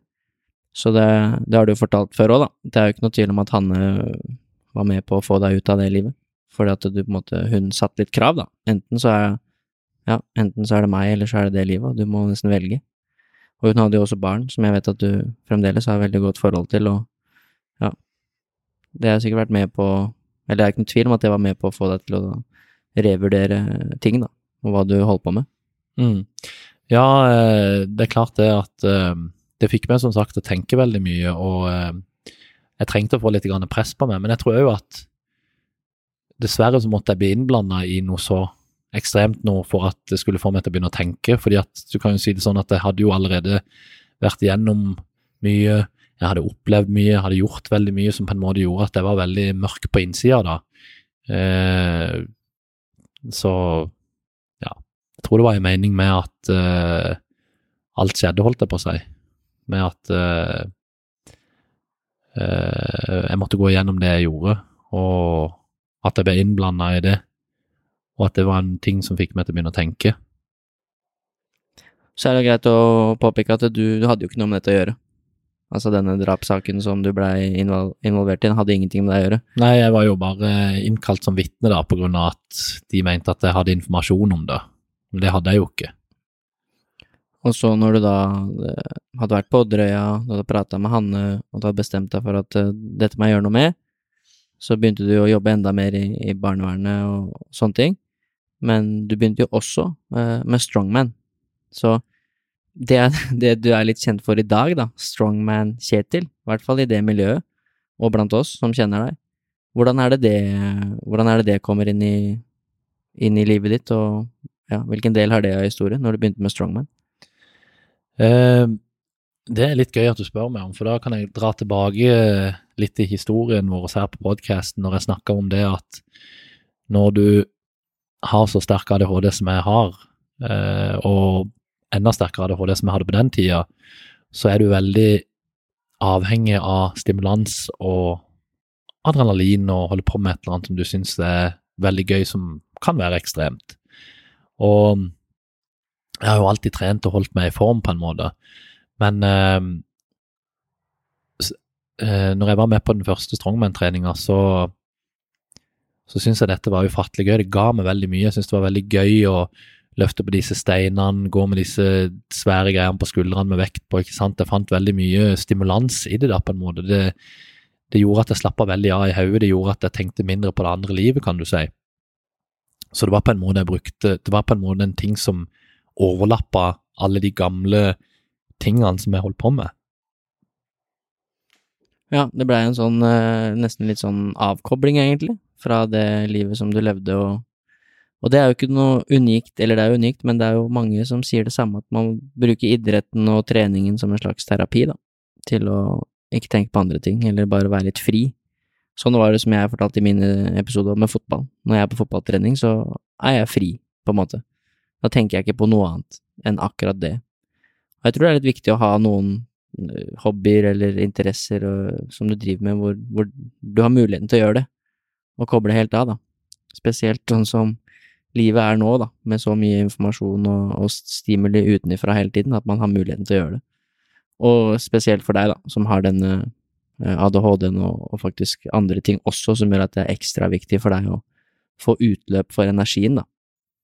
Og hvordan, veien, hvordan ble veien videre, da, med, med Strongman? For at uh, en ting er å trene litt strongman og synes at det er gøy og sånn. Noe helt annet å begynne å satse på det og tenke at jeg skal bli best i både Norge og Europa og kanskje verden. Det er noe helt annet, så hvor, hvor, hvor eh, starta den reisen der? Det starta først og fremst med veldig mange stygge løft med dårlig teknikk. ja. Men eh, Nei, jeg begynte som sagt å trene litt grann i Kristiansand Strong Team, da, som var en eh, strongman-klubb som i dag dessverre er lagt ned pga. manglende lokaler. Eh, sammen med en kompis eh, som i dag konkurrerer mot meg i samme klasse som meg. Eh, det han gjorde etter jeg hadde trent i ca. tre måneder, det var det at uten at jeg visste det, så hadde han meldt meg på på NM. Så jeg fikk en da plutselig bare en mail om at takk for din registrering til Norges sterkeste mann under 90 kilo. Og jeg hadde jo allerede sagt nei, at jeg ikke ville være med på dette her. Ja. Eh, Så, men da hadde jeg jo ikke noe valg. Så du kan jo si at um, jeg hadde tre måneder på å forberede meg til den første konkurransen min, eh, som var i Odderøya i Kristiansand i 2013. Da var det Norges sterkeste mann eh, under 90 kilo, eller under 80 kilo, under 90 kilo, under 105, og så var det to jenteklasser. Og jeg husker Jeg husker veldig godt den der eh, Den der, eh, den der Det opplegget der, det var helt, eh, helt amøbe, altså. Du vet, jeg hadde jo ingen til å følge meg opp på vektkutt. Jeg hadde jo ingen til å følge meg opp på hvordan jeg skulle spise, og vi trente som vi gjorde. Vi maksa jo hver andre uke, prøvde i hvert fall, ikke sant, og det var jo veldig lite system på det. Så jeg, jeg husker vektkutten. Da husker det var syv dager før innveiing. Så var jeg på et gym, og så går jeg veier med, og så ligger jeg syv kilo over. Så tenkte jeg med meg selv, jeg, har jo ikke den jeg hadde jo ikke den kunnskapen da som jeg har i dag. Eh, så det, det som skjedde, det var det at jeg begynte å spise veldig mye mindre, veldig tidlig. Jeg begynte å drikke veldig lite vann veldig tidlig. Men jeg klarte å gå ned da. Men du kan jo si det sånn at i fire dager så gikk jeg jo bare rundt og sveiv som en zombie. Jeg husker jeg, jeg husker jeg gikk rundt i sånn et turområde i Kristiansand sammen med en kompis i steigende sol, og så hadde jeg tatt noen sånne der eh, eh, noen sånne der eh, tabletter med noen sånne der chili-greier og noe sånt, ikke sant, som skulle øke forbrenninga og der. Bare noe piss, vet du. Men, eh, Ja. men ja, og vi drev og sveiv rundt i skauen der, husker jeg. Og, men jeg klarte, å, jeg klarte å komme ned. Fikk karba opp en del. Og jeg husker jeg sov veldig dårlig den natta. Jeg var veldig spent, husker jeg. Fordi at eh, jeg visste jo ikke hvordan dette her kom til å gå, og jeg var jo ikke mentalt forberedt på det i det hele tatt. Så jeg husker når vi kom inn i hallen der, det var en ufattelig følelse jeg fikk. Altså, jeg ble helt elektrisk. Jeg tror gåsehuden min sto ifra jeg kom inn der til jeg skulle reise hjem. Det var helt vilt. Og jeg husker veldig godt um, uh, bare det når de ropte oss opp, og skulle, det var ikke så veldig mye publikum der. Det kunne vært en kanskje ja, 200 stykker, 150-200 stykker som så på. Men eh, det var jo mye mer enn det jeg var vant til. Og jeg tenkte jo bare med meg sjøl, uffa meg. Hva er det som kommer til å skje i dag? Nei, det som kommer til å skje i dag, det er at enten så kommer jeg ikke til å klare løftet, eller så kommer jeg til å gjøre i buksa når jeg skal ta markløft. sånn? Så får vi alle de verste tingene med i gang. Men eh, det gikk overraskende greit.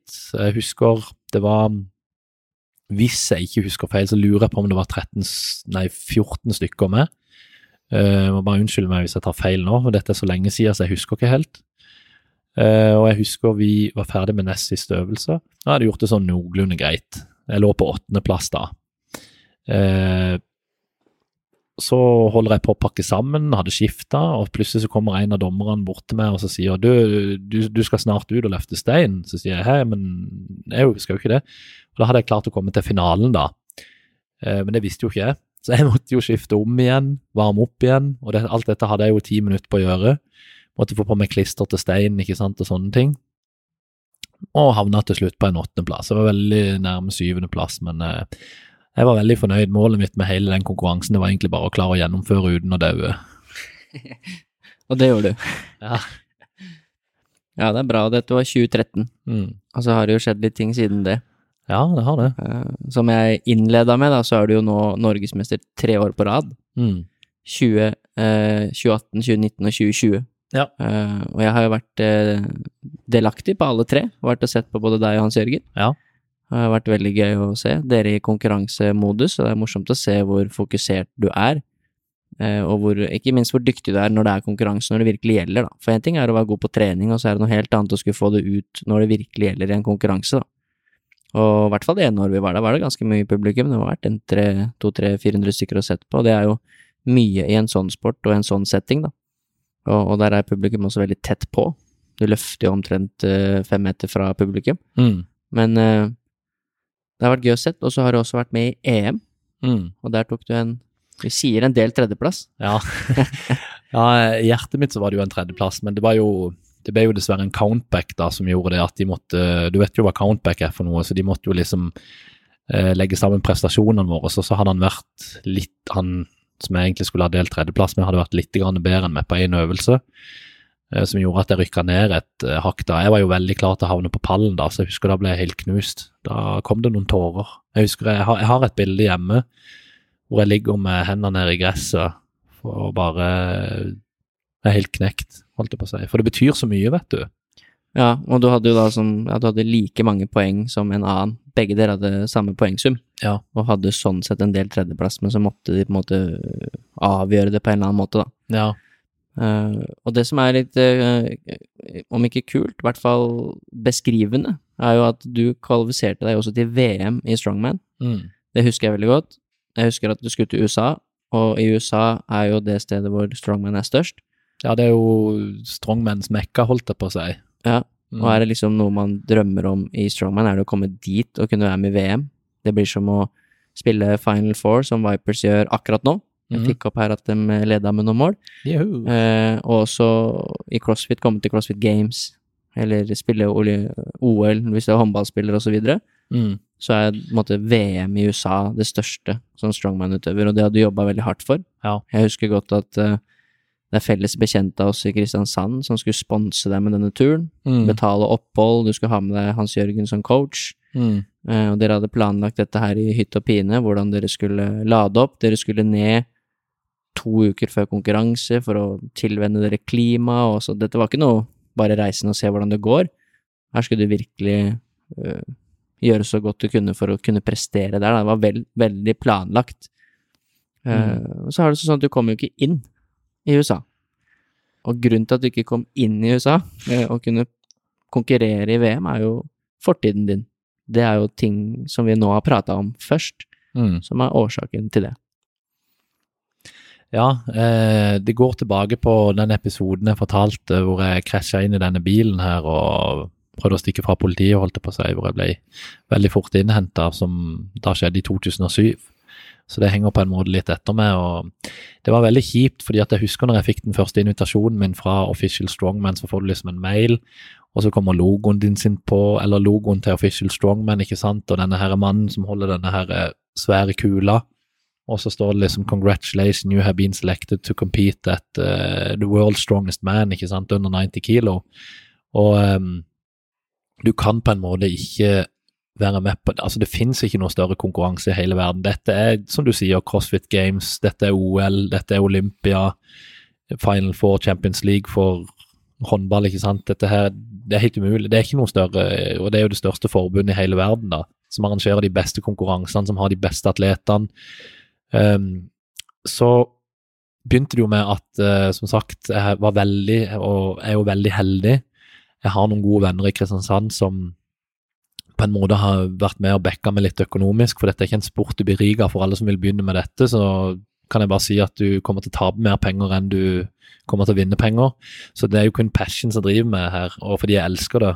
Det er jo det som gjør at jeg holder på med det, da.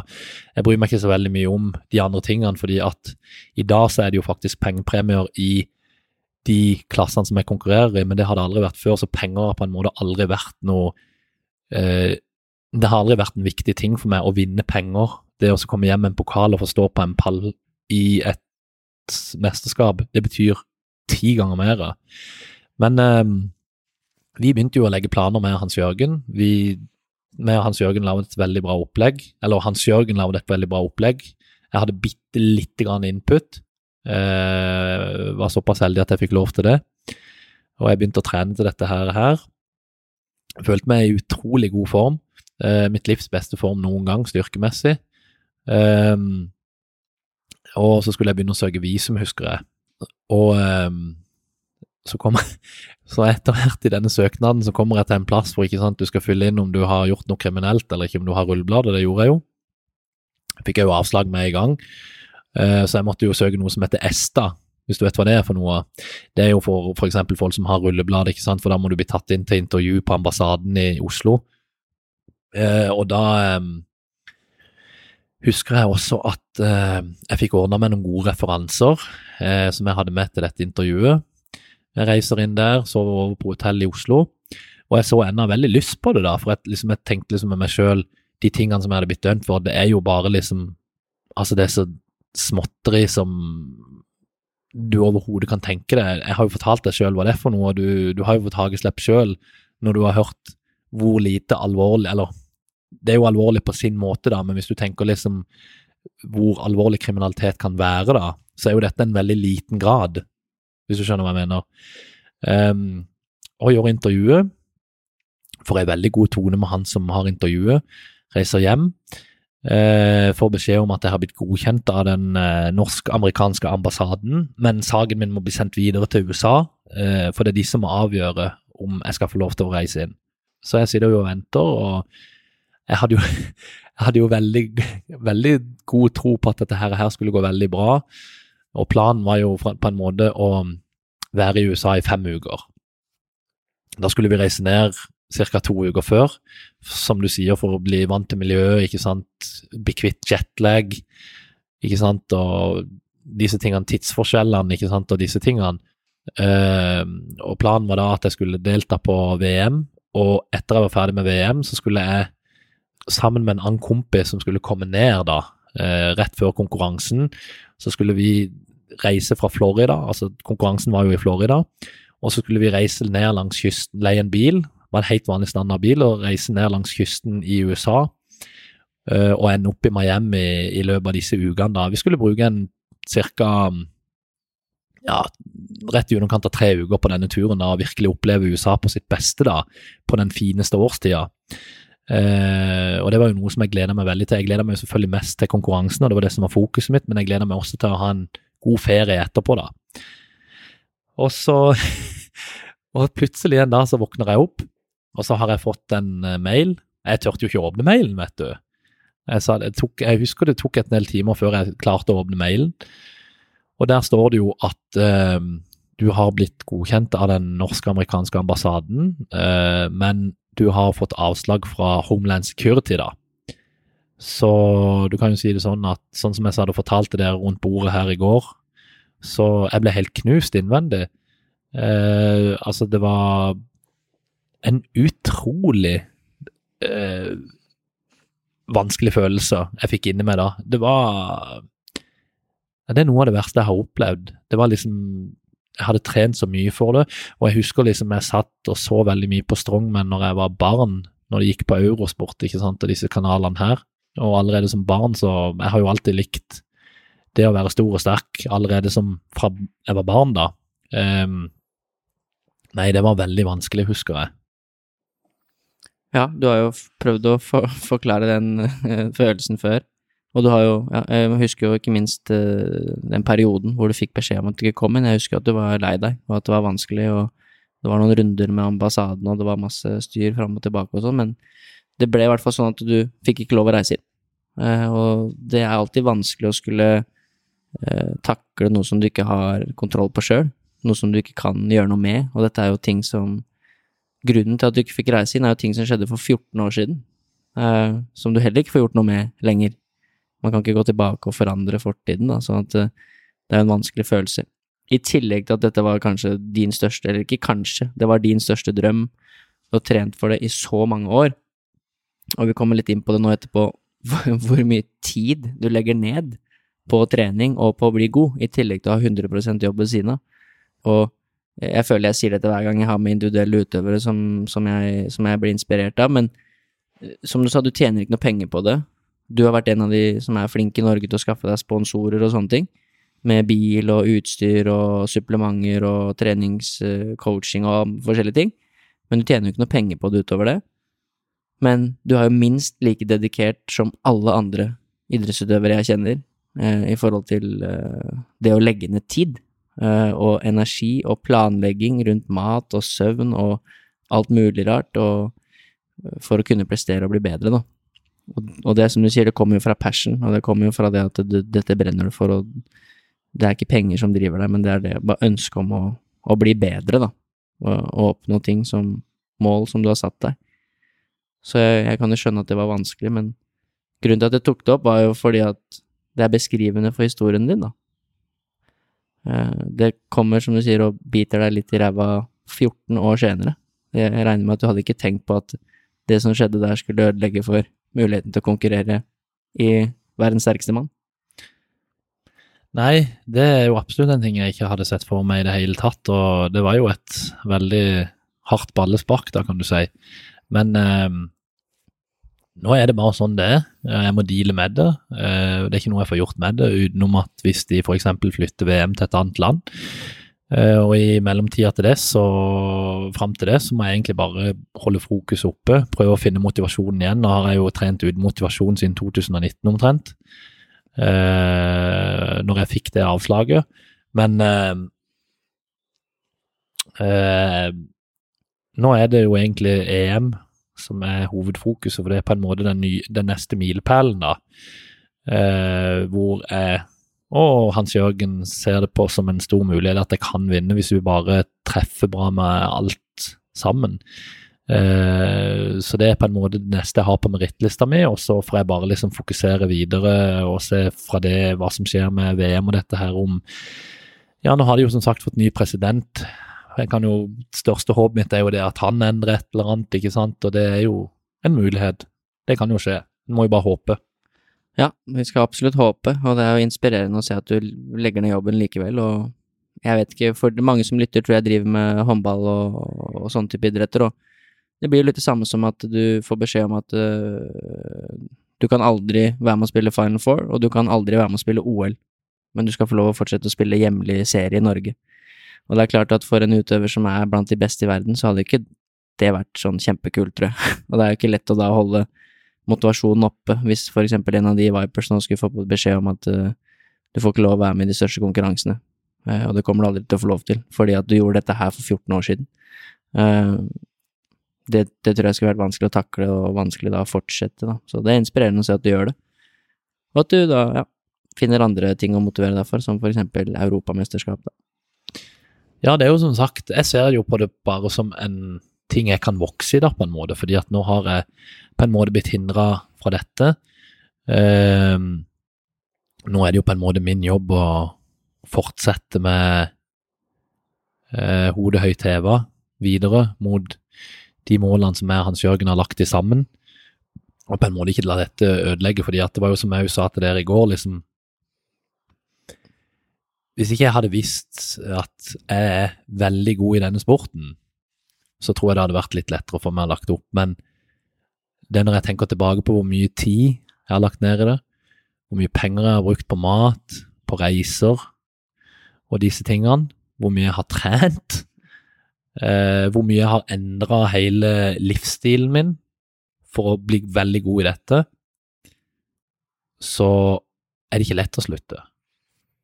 Nei, og det håper jeg ikke at du gjør heller, men uh, ja, det er jo kanskje vanskelig å skulle trekke noen sånne lærdommer fra det, men det er jo ikke noe til å komme bort fra at ting du gjør i ungdomsårene og sånne ting som du dreier med, kan få konsekvenser, da, seinere i livet. Og du har jo fortalt om her at det kunne fått enda mer fatale konsekvenser enn dette, selv om dette er utrolig kjipt, da. Så kunne det vært snakk om liv eller død. Du har kompis som er lam, du har kompiser som er borte og døde, og uh, det er jo en lærdom i det også, på en måte, det du har vært gjennom.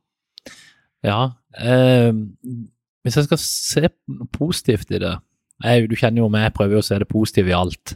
Eh, prøver å være positiv så mye jeg kan så tenker jeg at eh, dette er en uh, beskjed videre til andre unge sportsentusiaster og andre folk som ikke driver med sport, som er unge, med at hvis du gjør ting som ikke er bra, og så vil dette på en eller annen måte hente deg inn senere i livet, sånn som det dessverre har gjort med meg nå, i den ene og den andre formen. Uh, så det er veldig viktig å prøve å holde stø kurs og gjøre det beste du kan ut av livet ditt, da, på en måte. Men eh, jeg er veldig fokusert ennå, og jeg tenker at eh, det her var bare en, eh, en, eh, en ny learning i livet, liksom. Jeg må bare se vekk ifra det og fokusere på andre ting. fordi at hvis jeg begynner å tenke veldig mye på det, så begynner jeg å stå veldig fast. Det er jo ikke lett da, ikke sant. Og jeg har jo dager hvor jeg tenker veldig mye på det, da, for det gikk jo veldig inn på meg da. Det er jo noe av det tyngste jeg har gått igjennom, da, på en måte. Når jeg som sagt har lagt så veldig mye i det som jeg har fortalt tidligere, da, og du kjenner meg jo veldig godt. Du vet jo at jeg går jo inn med både nebb og klør i dette her, og driver ikke med dette her for gøy. Og jeg tjener jo, som, som jeg har nevnt to ganger nå, ikke noe penger på det. Det er jo passion som driver med det, fordi jeg elsker å holde på med det. Jeg elsker miljøet, det er så mye flotte mennesker. og uh, Det er på en måte ikke noe jeg har lyst til å miste, bare av at jeg har blitt innhenta fra fortida mi, kan du si. Nei, og det er, ja, det er som sagt uh, inspirerende å følge med på alt du legger ned, og vi skal snakke litt om det nå helt til slutt. Uh, litt om, Vi har en liten sånn spørsmålsrunde som vi har lagd litt sammen, og som også er tatt ut fra spørsmål jeg har fått tidligere, når jeg har lagt ut litt sånn at jeg har vært og sett på konkurranser og sånne ting, og jeg kjenner jo mange som er Bare i går så hadde vi en diskusjon med Chris. Chris Nielsen var jo med i forrige episode. Han er jo en av de beste crossfit-utøverne i Norge, begynner å bli, og er ganske sterk, hvor dere kødda litt med hverandre, hvem som var sterkest, og hvem som løfta mest, og hvem som har hatt mest vekt over hodet, og så videre. Ja. Eh, så folk er jo opptatt av liksom eh, Er jo opptatt av det du driver med òg. Liksom, hvor sterk er du egentlig, og hva er det egentlig det vil si at du er Norges sterkeste? Det skal vi snakke litt om nå på slutten, da, på spørsmålsrunden, men jeg eh, vil også bare nevne det at uh, det er veldig fint å se den jobben du gjør, eh, eller jeg ser den jo ikke, da, men jeg vet den gode jobben du gjør i barnevernet, med disse vanskeligstilte ungdommene, som du jobber med ukentlig og daglig, som, hvor du også eh, bruker din historie og din fortid til noe bra, da, til noe positivt til å hjelpe andre som har det tøft. Som, som, du sier, ikke har valgt De har ikke valgt selv å bli født inn i det miljøet, de har ikke valgt selv å bli født av de foreldrene, videre. Eh, kommet litt skeivt ut i livet fra starten av, sånn som du gjorde. Eh, hvor du er en kjempestor ressurs, da, og kan hjelpe de på en litt bedre kurs, da. Og det er vel sikkert derfor du gjør det, at du, du syns det er givende å, å, å drive med? Ja, jeg er veldig glad i det. Eh, det å kunne hjelpe andre mennesker, det er et stort kall jeg har fått i livet mitt. Eh, og jeg tror det er nettopp derfor jeg har eh, Jeg velger å si at det er mening med alt. Kanskje ikke alt, men det livet som jeg levde, de valgene jeg tok, har som sagt, som jeg har jo nevnt tidligere i denne podkasten, gitt meg veldig mye verktøy som jeg bruker i jobben min da, for å kunne forstå andre mennesker som har det vanskelig, da. Hvorfor de har det vanskelig. Hva kan vi gjøre for å gjøre det mindre vanskelig? Um, ja. Så jeg har funnet min arbeidsplass i livet, holdt jeg på å si. Jeg kommer aldri til å skifte jobb. Nei, og det er kult å se. Og det er mange av de andre historiene i min podkast som er lignende. Altså, det er som du sa med han Ronny, som hjalp deg veldig mye, og som kanskje var, og fremdeles er, en av de aller viktigste personene i ditt liv. Han har ikke nødvendigvis verdens lengste utdannelse osv., men han har vært gjennom en del ting. Han har jobbet med vanskeligstilte ungdom og barn lenge og har erfaring. Akkurat som du har vært gjennom det du har vært gjennom. Og det, jeg tror det er en helt unik på en måte erfaring og eh, kunnskap og kompetanse du tar med deg inn i det du jobber med. Eh, du kan godt lese deg opp til masse ting, men det, det, er vanskelig å lese seg opp til alt det du har opplevd. For du kan, sette, du kan, du kan beskrive følelsen om hvordan det er å få en pistol retta mot seg. Hvordan det er å uh, få juling. Hvordan det er å liksom Alle disse tingene her. Hvordan det er å være på en glattcelle og bli innkalt i en drapssak og, og videre, og, og ja. Du har opplevd det, du har ikke bare lest om det. Jeg tror det gir en helt annen type kompetanse. Ja, når du kan eh, på en måte relatere til ting du har opplevd sjøl, så blir det en litt annen måte å jobbe med problemet som du skal jobbe med. Eh, men eh, det er jo òg veldig viktig, som jeg sa til deg før vi begynte podkasten, når vi snakka litt om dette, så sier jeg det at det er, mange, det er, jo ikke alltid man har opplevd nøyaktig det samme som en annen person. Man kan på en måte ikke alltid bruke seg selv som et eksempel hvordan man klarte å fikse den eh, situasjonen, men man kan klare å forstå mennesket på en litt annen type måte, og man kan bruke seg selv som et eksempel med at hei, det har gått bra med meg, ikke sant? Det er ikke noen grunn til at ikke det skal gå bra med det. Du må liksom aldri gi opp og være flink til å prate om ting. For Det er jo veldig viktig med kommunikasjon. Det er viktig å prate om vonde følelser vi har inni oss og så er det veldig viktig at de personene som lytter på, forstår det. Ikke sant? Sånn at ikke det bare blir snakka om, og så skjer det ikke noe. Ja, absolutt. Og det er du flink til, da. Og det er eh, Jeg tror det er også en, eh, en ekstra Så det, det er jo Ja, kanskje ikke det er litt ut av kontekst, men jeg tror det er en ekstra stor påvirkningskraft at du er den du er også. Du er Norges sterkeste mann. Du er stor og sterk, og du ser tøff ut, men allikevel så har du den egenskapen til å kunne snakke om følelser, da. Uh, og det, det er jo spesielt. Og det, da tror jeg en 15-åring, han lytter, da. Mm. Hvis du setter deg ned og prater med han. Eh, Det hadde han sikkert gjort til mange andre også, men at det, det Ja. Han vil sikkert se opp til deg, da, og tenke at dette her eh, Han her må jeg høre på, da. Han tør kanskje ikke noe annet heller, ikke sant? Så, Får ikke håpe det. men det er bra, Kjetil. Det, det var det som var på en måte tematikken i Det var din historie. Hvem du er, hvor Mm. du kommer fra, hvilke lærdommer du har tatt ut fra det livet, eh, og egentlig bare, ja. Det, jeg tror det er mange som får noe ut av det. Jeg tror det er litt annerledes historie. Man hører jo ikke den hver dag. Og ikke minst at du brukte noe positivt, og at du nå ikke minst har et liv som du absolutt kan være stolt av, hvor du ikke bare har det bra med deg sjøl, men hvor du også hjelper andre, da. Det er imponerende og fint å se, da. Det var hyggelig å høre. Ja, det er godt liksom at som sagt, man kan bruke fortida si til noe godt og hjelpe andre mennesker og legge seg med en good feeling hvis man på en måte har klart å hjelpe et annet menneske med et problem, da. Det er ikke mye som er mer tilfredsstillende enn det. Da sover man godt om natta. Ja, det er helt riktig, og det er du flink på. Det, vi begge har en jobb hvor vi har muligheten til det. Hvor selvfølgelig de menneskene du jobber med, har faktisk problemer. Og de menneskene jeg jobber med, de har mer utfordringer eh, i form av prestasjon. Mm. Men definitivt den samme følelsen, tror jeg. du gjør en like viktig jobb. Ja, i hvert fall så gir det den samme følelsen, tror jeg. Det kunne Mm. hjelpe noen andre, da. Mm. Men vi skal ha en liten uh, spørsmålsrunde til slutt. Nå har vi Mhm. fått høre historien din, hvem du er, bakgrunnen din, hva du driver med nå. Uh, så jeg har satt sammen noen spørsmål, både fra litt uh, følgere på Instagram og litt her og der, og noen jeg har lagd sjøl også. Mhm. Så først må vi snakke litt om hvor sterk er du egentlig? Når du er Norges sterkeste mann, hva, hva vil det si? Så jeg har da valgt ut eh, noen øvelser som kanskje da er litt kjent for mange som trener. At Mhm. du trenger ikke drive med strongman for å skjønne, eh, ja, hvilke type øvelser det er. Så den første er jo markløft. Mm. Og alle som driver med håndball, fotball og ikke minst crossfit, vet jo hva markløft er, å løfte opp en vekt, eh, gjerne i form av en stang, Mm. opp fra bakken. Hva er rekorden din i markløft? Rekorden min i markløft eh, på ei vekt på 93,5 kilo kun med reimer og belte er 310 kilo. Ja, Så at du har ingen utstyr annet enn de vanlige tingene med, som belte og, og reimer, Mm. så har du løfta 310 kilo i markløft. Mm.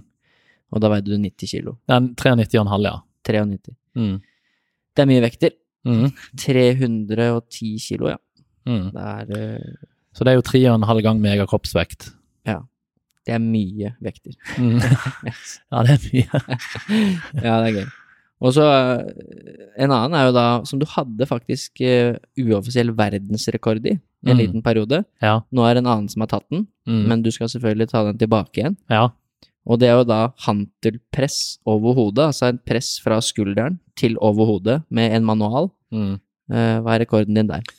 Det er en øvelse hvor du skal ta en hantel fra bakken. Du kan bruke begge hendene til å få den opp, mot skul opp på skuldra, og så du eh, Så har du kun lov til å bruke den armen som du holder hantelen med på skuldra til å presse den over hodet. Altså den andre armen din må være vekk fra hantelen da. Ja, altså en enarms skulderpress, Helt riktig. Mm. Eh, og der er rekorden min 100 kilo. Eh, greia er at det blir jo ikke registrert som en uoffisiell verdensrekord på en måte, da, siden ikke det var noen til andre enn meg til stede og mobilen min, da. Men man kan si det på en måte at det var et tyngre løft enn den daværende verdensrekorden. Eh, den ble nå økt offisielt av han som er verdens sterkeste mann i min klasse, en som heter Ngarium. Han er fra Australia, en helt sinnssyk atlet som jeg også følger og har god kontakt med. Eh, og han økte den, hvis jeg ikke husker feil, så var det 102,5 eller 103 kilo. Så planen er å slå denne rekorden til neste år. Ja, og det gleder jeg meg til å se. Ja. Og jeg har jo sett, eh, vi hadde jo en eh, manual på VA som var 90 kilo, tror jeg, eller 75 og 90, et eller annet sånt. Mm. Det er en hinsides eh, stor manual som aldri ble brukt. Den var støva ned, den ble kun brukt en sjelden gang når du kom innom. Ja. Og noen ganger når jeg måtte flytte den, for han sto i veien for andre ting, og da Det var eh, et ordentlig Jeg har ikke lov å banne, men ordentlig helvete å flytte. ja. Det var et on manual, ja. Ja, flytte den rundt, det var ikke noe særlig. ja. Det er mange som sikkert har stilt spørsmålstegn med hvem er det som bruker den, kan jeg tenke meg. Ja, det var kun eh, du. Vi hadde jo noen blokker og noen manualer og noe sånt inne på VEA som eh, bare var du som løfta, ingen andre, så Mm. Det er uansett imponerende å presse 100 kilo fra skulderen over hodet med én arm. Mm. Det er ekstremt mye vekt. Mm. Um, og så er det da yoke. Det syns jeg er litt kult. Men yoke er jo litt sånn uh, Det er sikkert i forhold til hvor langt du går med noe og sånn, da, distanse. Mm. Men yoke er jo da at du går innunder, som en, akkurat som om du løfter et helt knebøystativ eh, opp fra bakken, Ja. og så går du med den Mm. på ryggen. Uh, og dette er jo også øvelser som har blitt innlemma i f.eks. CrossFit Games. Ja, det er kult. Uh, hvor mye vekt er det meste du har hatt på en yoke, og hvor langt er du gikk med den da? Um, I konkurranse på to ganger 15 meter så har jeg gått med 340 kilo. Det, eller nei, vent litt, det må jeg tenke. Uh, 20 meter er i lengde, det var på EM i fjor, og da var det 340 kilo. Eh, det meste jeg har gått med, eh, har gått tre meter med Hvor mye var det det var? Jeg gikk tre meter her med 400 og 15 kilo, tror jeg det var. Tre meter, ja. Mm, for det var, da trente jeg meg egentlig opp til å ta norgesrekorden i min klasse på han. Så det er det tyngste jeg har gått med. Ja, så 415 kilo på ryggen. Ja, ja, vi hadde jo en yoke på Vipers Akademi, den er vel der enda sikkert. Mm. Og jeg, jeg hadde noe yoke i treninga mi sånn for gøy av og til, da. Ja. Og jeg, du må rette på meg om det stemmer, men jeg tror kanskje jeg kan ha hatt en sånn 120-150 kilo, et eller annet sånt, ja, som vi gikk med. Det er fryktelig tungt. Mye tyngre enn man tror. ja. Og du blir jo så ekstremt komprimert av å ha uh, så mye vekt oppå deg. Ja det er viktig å henge seg litt grann i, eh, i eh, rekken når du er ferdig, for du blir jo så komprimert i ryggen, vet du. Ja, Mm. Og så gå med 400 kilo på ryggen er jo helt ekstremt. De fleste ville jo ikke klart å få den opp på ryggen engang, hadde ikke vært bra. Nei. Og så I tillegg så blir det jo sånn som jeg sa til deg tidligere, da, når du går med la oss si 400 kilo på ryggen, da. Når du løfter det ene beinet ditt, så har du jo 400 kilo pluss din egen kroppsvekt på det ene beinet. Så det blir jo egentlig enda mer. Ja. Mm. Ja, og så ikke minst på ett bein. Ja. Så ja, det er imponerende. Eh, og så syns jeg det er kult, fordi det er noen som kan kjenne seg igjen i fra crossfit og kanskje fra vanlig trening, noe som heter farmers walk, Mm. eller farmers hold. Mm. Og det er rett og slett bare at du har vekter i hendene, Mm. som du enten bærer en viss distanse, eller som du skal stå og holde så lenge du klarer. Ja. Så hva er rekorden din på det? For der har du også noen hinsides tunge vekter som jeg nesten ikke klarer å markløfte engang med to armer, som du har båret. Eh, Ja, nei, rekorden min der, det var EM 2019. Da hadde de en online-kvalik. Da la de ut tre øvelser, eh, og så skulle du gjøre de øvelsene der. Eh, og da hadde de farmers walk for distanse. Da skulle du gå 25 meter med farmers tyngst mulig. Og det var et veldig stress. Da måtte jeg ha med meg en veldig god kompis av meg, som, eller en av mine beste venner som heter Chris. Eh, han har vært en veldig god bauta for meg i eh, denne sporten. her, vært, mm, og hjulpet Han hjalp meg veldig mye i oppkjøringa til EM, så tusen takk, Chris, for det. Jeg måtte bare si det. Eh, og da måtte vi eh, filme, filme det. Vi måtte eh, filme vektene på forhånd før jeg begynte å bære, og så måtte vi filme eh, Vi måtte legge ut et sånt langt målebånd, vet du, for å dokumentere lengda, men da gikk jeg fem- 20 eller 25 meter med 155 kilo i hver hånd. Så det er det beste jeg har klart å gå med. 155 kilo i hver hånd. Ja. så det vil si at bare for å bøye deg ned og løfte dem opp, så må du da markløfte 310 kilo igjen, da. Ja, stemmer det. Bare for å få dem opp. Ja, Uh, og det er for de som har gjort dette her i en crossfit-økt og båret kanskje si 30-40 kilo kettlebells, da. Det er ganske tungt, det, mm. i en sånn crossfit-økt. ja. Uh, så kan du se for deg hvordan det er å bære 155 kilo hver hånd. Jeg klarer jo så vidt å markløfte 155 kilo. ja. Ikke at jeg er så fryktelig sterk, men det bare det er, det er mye vekt, altså. Når du er på butikken og handler og kommer, skal gå opp bakken hjemme med fire bæreposer med mat, så er ikke det så veldig tungt. Nei, men det kan sikkert oppleves tungt for mange. Ja. Og da kan du kanskje tenke at da har du kanskje ti kilo hver pose, eller noe. Ja. Kanskje noe sånt. Mm. Hvis du har kjøpt litt melk og diverse. Ja. Så, det er så hinsides mye vekter at det går ikke an å se for seg engang, nesten. Eh, så, Så det er kult. Dere har mye grep i, i strongman. Ja, veldig mye. Det går veldig mye på grepsstyrke, ja. Ja. Eh, så uh, hvis du ikke har grep i orden, så er det absolutt en veldig vanskelig øvelse. Ja. Mm. Og så er jo den siste øvelsen, før vi skal gå litt videre. Det er jo en øvelse som alle vet hva er, det er jo knebøy. Mm. Eh, der er det jo både frontknebøy og backscot, altså knebøy med stang på ryggen og stang foran. Ja. Og hva er det meste du har løfta i en vanlig backscot, altså en knebøy med stang på ryggen? da? Det beste jeg har løfta i vanlig knebøy eh, Jeg har 220 kilo med stopp, og så har jeg to reps på 250. Det er det meste jeg har løfta i den øvelsen der. Og så har jeg gjort ti på 200. Ja, det er mye. Mm. Ti reps på 200 kilo. Ja. det er også en del. Det er to Hvor mye det? To tonn, det. Ja. Som du har flytta. To kjappe tonn. Ja. Eh, og det, det er uh, også for de som driver med crossfit, siden det har vært en del crossfit-utøvere med nå på podkasten, eh, så er det mange som er kjent med frivending.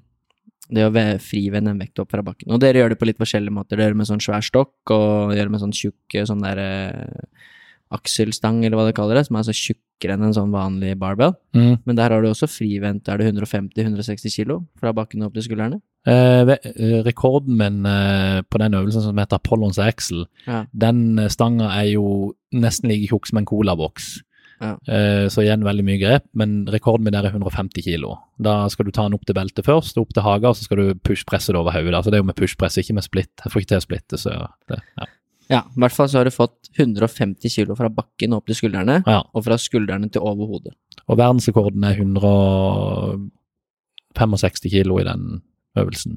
Ja. Ja. Og for de som driver med crossfit, som vet veldig godt hva clean and jerk er, så er det ikke så veldig mange jeg kjenner som, clean, eh, som gjør 150 kilo clean and jerk. Nei. Det er ekstremt mye vekt. Da, du liksom, da er du helt blant de aller beste i verden Mm. på, på det opp fra 150 oppover, da. Mm. Og så har jo ikke du jerka du har bare pressa den over hodet. så det er jo da enda sykere. Ja. Ja, så du er ganske sterk, Kjetil, Mm. vil jeg si.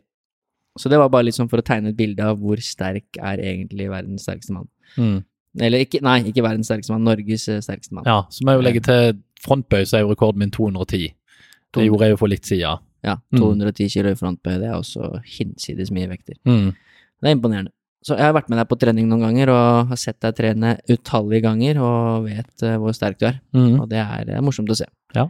Og det er som sagt en del kondisjon. Det er mye løping med sandsekker, og løping med yoke og farmers og alt mulig rart. Så strongman er definitivt ikke bare å løfte tunge vekter, det er en del kondisjon også.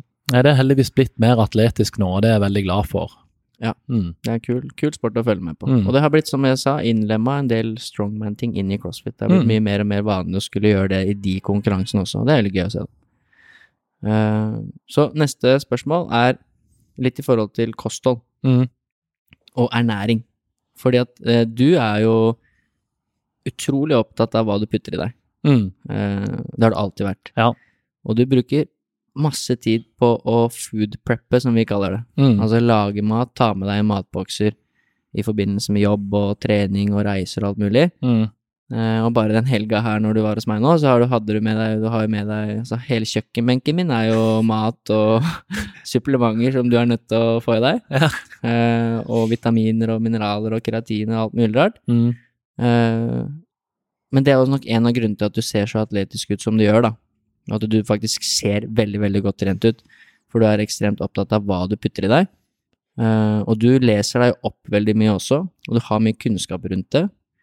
Eh, og det er jo ikke bare for prestasjon, men du er jo også opptatt av i forhold til helse. Du er Mm. veldig opptatt av hormoner og opptatt av nivåer i kroppen, og at ting skal fungere sånn som det skal. Så si litt om det, hvor dedikert du er, og, og hvorfor du er så dedikert innenfor hva du putter i deg. Eh, det går veldig mye på det at først og fremst så har jeg jo lyst til å ha en veldig sunn kropp. Og du, som også spiser veldig rent og bra, eh, vet jo sjøl òg hvor viktig det er å vite hva du spiser for noe, og hvilke påvirkninger er på kroppen din.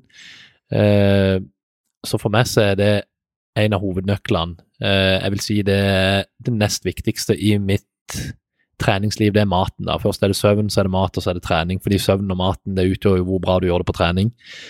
Um, Og det er bare viktig å ta tak i det med en gang, at du nevner trening som det tredje viktigste Ja. for å bli god. mm, Eh, Det er først søvn og så mat. Ja. Det er jo viktig for mange å høre. Mm, ja. Eh, veldig mange som ikke helt skjønner den pyramiden der, men det er i hvert fall sånn det funker for meg, og sånn de fleste eksperter vil si at det er sånn det funker. Eh, nei, så det er rett og slett bare det at jeg har veldig fokus på gode matvarer. Jeg spiser veldig mye, veldig mye gode proteinkilder. Når det kommer til protein, så går det som regel i fisk, kylling eller biff. Mest biff, da, eh, fordi det inneholder mest aminosyrer. Eh, og jeg føler det er det som på en måte kroppen min har det best med. Eh, karbohydratkilder, så er det jo for Jeg må jo bare legge til, jeg veier jo ikke an eh, noen andre måltider enn frokosten min. Men når det kommer til karbohydratkilder, så er det jo f.eks. havregryn. Det er jo en ting jeg har på morgenen. Ris, søtpotet, vanlig potet. Litt pasta i ny og ne hvis jeg blir veldig lei av ris. Så spiser jeg litt gul pasta. Men det er jo fordi pasta er jo digg og grønnsaker, så går det som regel i gulrot, paprika, spinat, noen typer sopper. Eh, men av og til så kjøper jeg noen sånn grønnsaksposer med veldig mye forskjellig. Blomkål, brokkoli, eh, kål og disse tingene her. Spiser litt, prøver å spise litt grønt kål, det er jo veldig bra. Eh, så det er veldig, på en måte veldig viktig å ikke glemme vekk grønnsakene oppi det hele. For det er på en måte veldig mange folk som spiser veldig mye har veldig mye kjøtt på tallerkenen, veldig mye ris eller veldig mye poteter og disse tingene her, men så glemmer de på en måte vekk grønnsakene. Men grønnsakene spiller en like viktig rolle i det fulle og det hele. Eh, kjøttet har sin virkning, karbohydratene har sine virkning, eller risen og det, det har sin virkning, men grønnsakene har også sin virkning på kroppen. Mm. Ja, og det er jo fint som sier, for at veldig mange er jo opptatt av å få inn energibehovet, som kanskje er det aller viktigste hvis du må velge en ting, og få i deg nok kalorier i forhold til det du trenger. Men som du sier, er jeg veldig opptatt av mer enn det. For deg er det jo ikke noe spørsmål om å få i deg nok kalorier, det får du til, og det er du opptatt av. Men så er du også opptatt av å få i deg, som du sier, grønnsaker, og ikke minst riktige fettkilder i forhold til dette med hormoner, i forhold til Mm. dette med hormonrespons i kroppen, i forhold til å få i deg vitaminer, mineraler, for å få mest mulig utbytte av de andre næringskildene som du spiser, osv. Du er opptatt av hvilket tidspunkt på døgnet du tar det, du er opptatt av hvis du skal ha et cheat meal, eksempel, så har du en viss eh, strategi og måte å gjøre det på. Det kan ikke komme på kvelden, det må komme tidlig på dagen, og du har en del sånne ting som eh, du har utforska og lest deg opp til, og ikke minst testa ut, da, Ja, som er veldig imponerende, og vanskelig å argumentere mot at eh, du ikke funker, for at du er jo så god som du er. Mm. Uh, nei, sånn som for eksempel i veldig mange år, da, i forhold til det med cheat meal. Nå sier jeg ikke at dette er løsninger for alle, jeg sier ikke at dette er løsninger for alle sammen, men uh, for meg så fungerer det i hvert fall sånn at hvis jeg for eksempel skal ha et tungt løft på torsdag, da, gjerne hvor vi skal, Hans Jørgen har satt opp et program hvor vi skal makse, uh, så har jeg veldig mange ganger opplevd at det som jeg har kommet fram til, da, eh, ut ifra forskning og sånn som jeg har lest, og jeg har jo veldig god dialog med Hans Jørgen. Han gir meg jo som regel svaret på alt, men jeg researcher jo litt sjøl, for jeg har jo litt lyst til å finne mine egne svar på ting eh, for min egen utvikling og kompetanse. Ehm, og det er på en måte ikke noe med at jeg ikke stoler på det Hans Jørgen sier, for han har jo på en måte dratt meg gjennom tre NM-titler, da, så jeg kommer aldri til å forandre på noen av de tingene han lærer meg. Eh, men eh, det som jeg har kommet fram til, da, det er det at hvis jeg spiser et cheat meal, eh, og et cheat meal for meg, det, jo, det går som regel i to ting. Det er enten en veldig stor Nå er det sikkert veldig mange som kommer til å klø seg i huet og tenker er dette et cheat meal, og når jeg sier cheat meal, så er det, som, så er det jo nødvendigvis ikke et måltid som er junkfood, da, men et stort måltid som gir meg ekstremt mye kalorioverskudd. Eh, hvor da det eksempel spiser en svær sushiboks eller en pizza. Uh, og det gjør jeg litt tidlig på dagen. Og grunnen for at jeg gjør det litt tidlig på dagen, er på grunn av at uh, det som jeg har kommet fram til med min egen kropp, i hvert fall, det er at hvis jeg spiser et ikke sant, Når du skal ha et veldig Når du skal ha et tungt løft dagen etterpå, så er det jo ekstremt viktig at du sover veldig godt den natta. At du får restituert, at eh, hormonene dine jobber i kroppen, at alt av næring blir tatt opp på riktig type måte. Så hvis jeg spiser et cheatmeal altfor seint på natta, så må kroppen bruke veldig mye energi på natta for å ta opp alle næringsstoffene. Derfor har jeg pleid å flytte nå cheatmealet mitt tidligere på dagen, sånn at kroppen kan jobbe med det gjennom dagen, og så spiser jeg vanlig mat i vanlige eh, måltidene jeg har utover mot kvelden og natta, da, og siste måltidet mitt som jeg har på natta, det er som regel et veldig fettrikt eh, eh, måltid, for å igjen påvirke hormoner og fordøyelse ikke sant, og sånn på natta. Og det har jeg funnet ut er veldig digg. Eller det har jeg funnet ut er, har en veldig bra påvirkning på meg. Så hvis noen f.eks. føler at de føler seg veldig trøtte og slappe på morgenen, så bør de kanskje tenke at de må flytte cheatmealet sitt litt tidligere på dagen, da. Ja, og dette er jo bare et eksempel av mange sånne småting som jeg veit at du er opptatt av, da. Og som du tester ut. Og det er som sagt, dette som du sier, det er ikke noen fasit for noen andre, men dette har funka veldig bra for deg. Og det som er inspirerende å se, er at du, du, legger ned den tiden til å både researche, lese forskning og spørre andre som kan mye, uh, i tillegg til at du prøver ut veldig mange ting med deg sjøl, da. Over perioder, ikke bare sånn én gang, men over lengre perioder, for å se hvordan du responderer på det. Uh, og det er klart at når du skal løfte 300 kilo i mark, og du skal bære 150 i hver hånd osv., så, videre, så er jo disse små prosentene er jo viktig for å klare å få ut det. Og det er det veldig inspirerende å se at du gjør. At man, ja, du er flink til å få ut ditt potensial, tror jeg. Og så må man jo se hvor god du kan bli i forhold til alle andre. Du kan jo ikke styre hvor gode alle andre er, men du kan i hvert fall sørge for å få ut uh, mest mulig av ditt eget potensial. Og der er det jo Alle idrettsutøvere burde jo tenke på dette. Uh, hvor god kan jeg bli hvis jeg virkelig prøver å optimalisere? Uh, det syns i hvert fall jeg er veldig kult å følge med på, da. Mm. inspirerende. Neste spørsmål er jo da litt sånn hvor For vi begynner å nærme oss slutten her nå, men hvor mange timer i uka er det du trener? Tatt i betraktning at du har full jobb, som er krevende, eh, og du tjener ingenting på sporten din, absolutt ikke noe, du har noen sponsorer, men hvor mange timer i uka trener du? Nei, altså I de fleste periodene så trener jeg fire dager i uka. Da trener vi Vi har jo ei gruppe med, som Hans Jørgen styrer, da. Eh, hvor vi Hans Jørgen som regel trener akkurat det samme, sammen med ei jente da, som også nå har begynt å konkurrere i denne sporten. Hun må jeg, for eksempel, hun må jeg forresten gi en liten shout-out til. Hun heter Martina. Hun var med på sin første ordentlige strong woman-konkurranse i helga.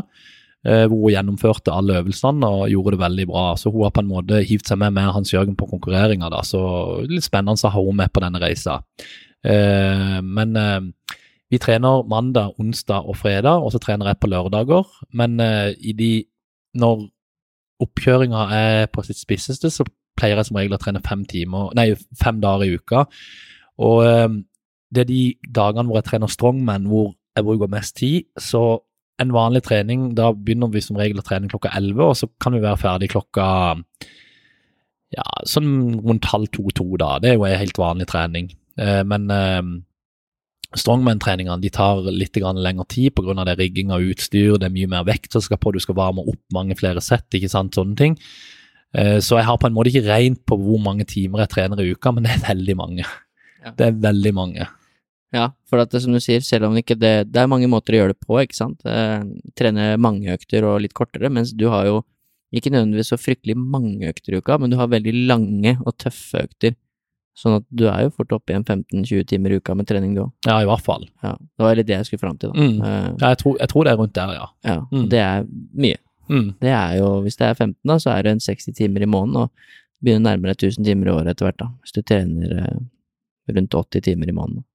Når du er, når, det er jo sånn det er når du er, og det gjelder jo ikke bare min sport, men andre sport. Det vet du jo sjøl som har eh, spilt på et bra nivå i Norge i fotball, at eh, hvis du skal nå toppen og holde deg i toppen når du har kommet til toppen, så må du trene mye. Du må ofre veldig mye tid og, og dedikere deg til det. Ja, og det er det jeg syns er kult med Det er bare en sånn digresjon før vi skal få en avsluttende spørsmål. Det er jo det at eh, du har jo vunnet Norgesmesterskapet tre år på rad. Eller blitt Norges sterkeste tre år på rad. Og så kan hende blir det fire år på rad i år. Og det som er gøy å se, er at du, du hviler jo ikke på noen av disse gamle merittene dine. Det er ikke sånn at du tenker at ok, jeg vant i 2018, da kan jeg gjøre akkurat det samme og vinne i 2019. Du vil jo hele tiden fortsette å bli bedre. Og du har også den forståelsen for at du kan aldri vinne på den samme måten, mest sannsynlig, gang på gang. Det er det som er det vanskeligste. En ting er å vinne én gang, det vanskeligste er jo å vinne mange ganger på rad, og fortsette å vinne. For at du må jo bli bedre, og du må vinne på flere nye måter, da. Du kan ikke liksom gjenskape det med akkurat det samme. Og det er litt kult å se at du hele tiden pusher grenser for å bli enda litt bedre. på veldig mange forskjellige arenaer, da. Mm. Ja, det er jo det En av de tingene som jeg er veldig opptatt i livet, og det, til, det kan jeg jo si utenom trening, så er det jo å bli den beste versjonen av meg sjøl. Og da mener jeg jo f.eks.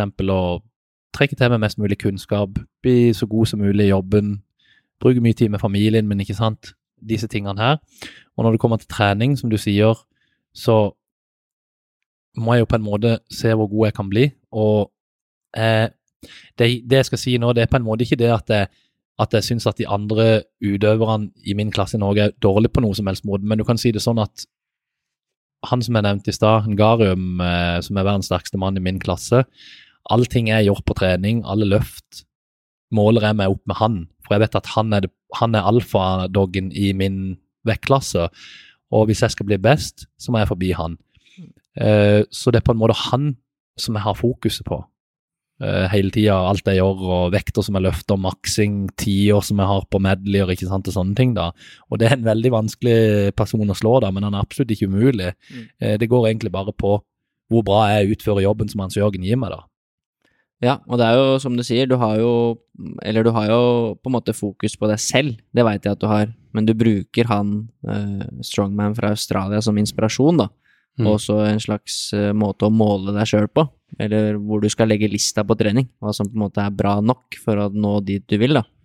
Så det er kult at du ja, at du på en måte pusher deg sjøl i hverdagen opp mot det. For det handler jo litt om også hvor mye kvalitet og ja, hvor er det du legger lista på trening, da, hva er det som er bra nok? Hadde du sammenligna det med noen i Norge, så hadde du jo ikke trengt å legge lista like høyt, da. Nei. Nei, det er jo det er jo sånn som jeg sa det, at uh, hvis du liksom skal bli den beste, så må du sikte etter den beste. Og, men det er jo ikke liksom sånn at jeg legger han som en sånn hindring i det jeg oppnår å gjøre på treninga. Jeg ser liksom bare hvor jeg ligger hen i forhold til han. Og hvis jeg klarer å være veldig nærme han, så vil jo det også ha en veldig positiv effekt når jeg skal ut uh, internasjonalt og konkurrere mot andre, da, siden han er såpass rå, da. Uh, og han kan jeg jo bare legge til, han har jo blant annet, før han begynte med Strongman, så har jo han vært i CrossFit Games på lag, sånn laggreie. Så han har jo en veldig god base i begynnelsen, før han begynte med dette. Jeg viste deg jo noen videoer av han i går, så du så jo sjøl hvor rå han er. Han var ganske rå. Og så er det jo kult som du sier at du har en dialog med han, da. At dere på en måte er konkurrenter, men dere er jo også kolleger. At du vil lære han, da. Og han kan helt sikkert lære ting av deg også, men at du ja, ikke nødvendigvis bare er en sånn konkurrent som du har eh, mål om å slå, men som noe som du kan lære av, da å, ha dialog med. Det er kult. Ja, eh, det er jo det at eh, miljøet her går jo veldig mye på samhold, da. Så selv om han på en måte er en eh, La oss bruke ordet fiende, da, som han egentlig ikke er en fiende, da, så er det jo sånn at man trenger på en måte folk å måle seg opp imot.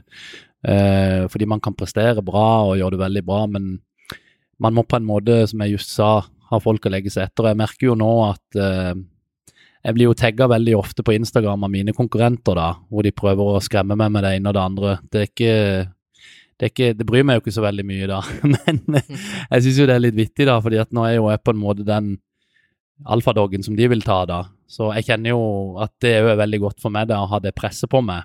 Eh, og så er det moro, og så er vi gode kompiser, og vi deler tips og triks med hverandre, ikke sant. Og jeg er jo ikke sånn at jeg holder noe tilbake i forhold til hvor jeg ligger styrkemessig, sånn hvis noen av de har noen spørsmål, ikke sant. Og, eller det f.eks. kommer spørsmål om mat ikke sant, og sånne ting, så hjelper jeg jo gledelig andre. Det er jo om å gjøre å støtte og hjelpe hverandre fram, liksom. Det er jo ikke liksom hemmelighetsstempler det jeg spiser i løpet av en dag, og hvordan jeg sover og hvordan jeg trener og sånne ting. Da. Det, jeg sier jo ikke å dele programmet mitt med andre, for det er jo liksom noe mellom meg og Hans Jørgen, da. Men utenom det så er det en veldig åpen dialog.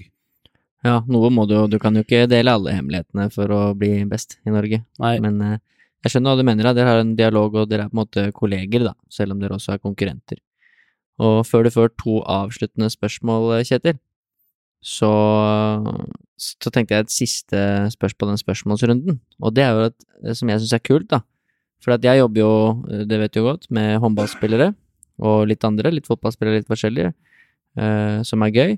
Men det som er annerledes i din sport, er jo at det er vektklasser, og så at du må veie innenfor en viss vekt for å få lov til å konkurrere, da. Eh, og det innebærer jo også at eh, du forbereder deg på en litt annen måte. Dere har ofte det dere kaller for vektkutt eller vannkutt og sånn før konkurranser, for å komme ned i en viss vekt og veie seg inn.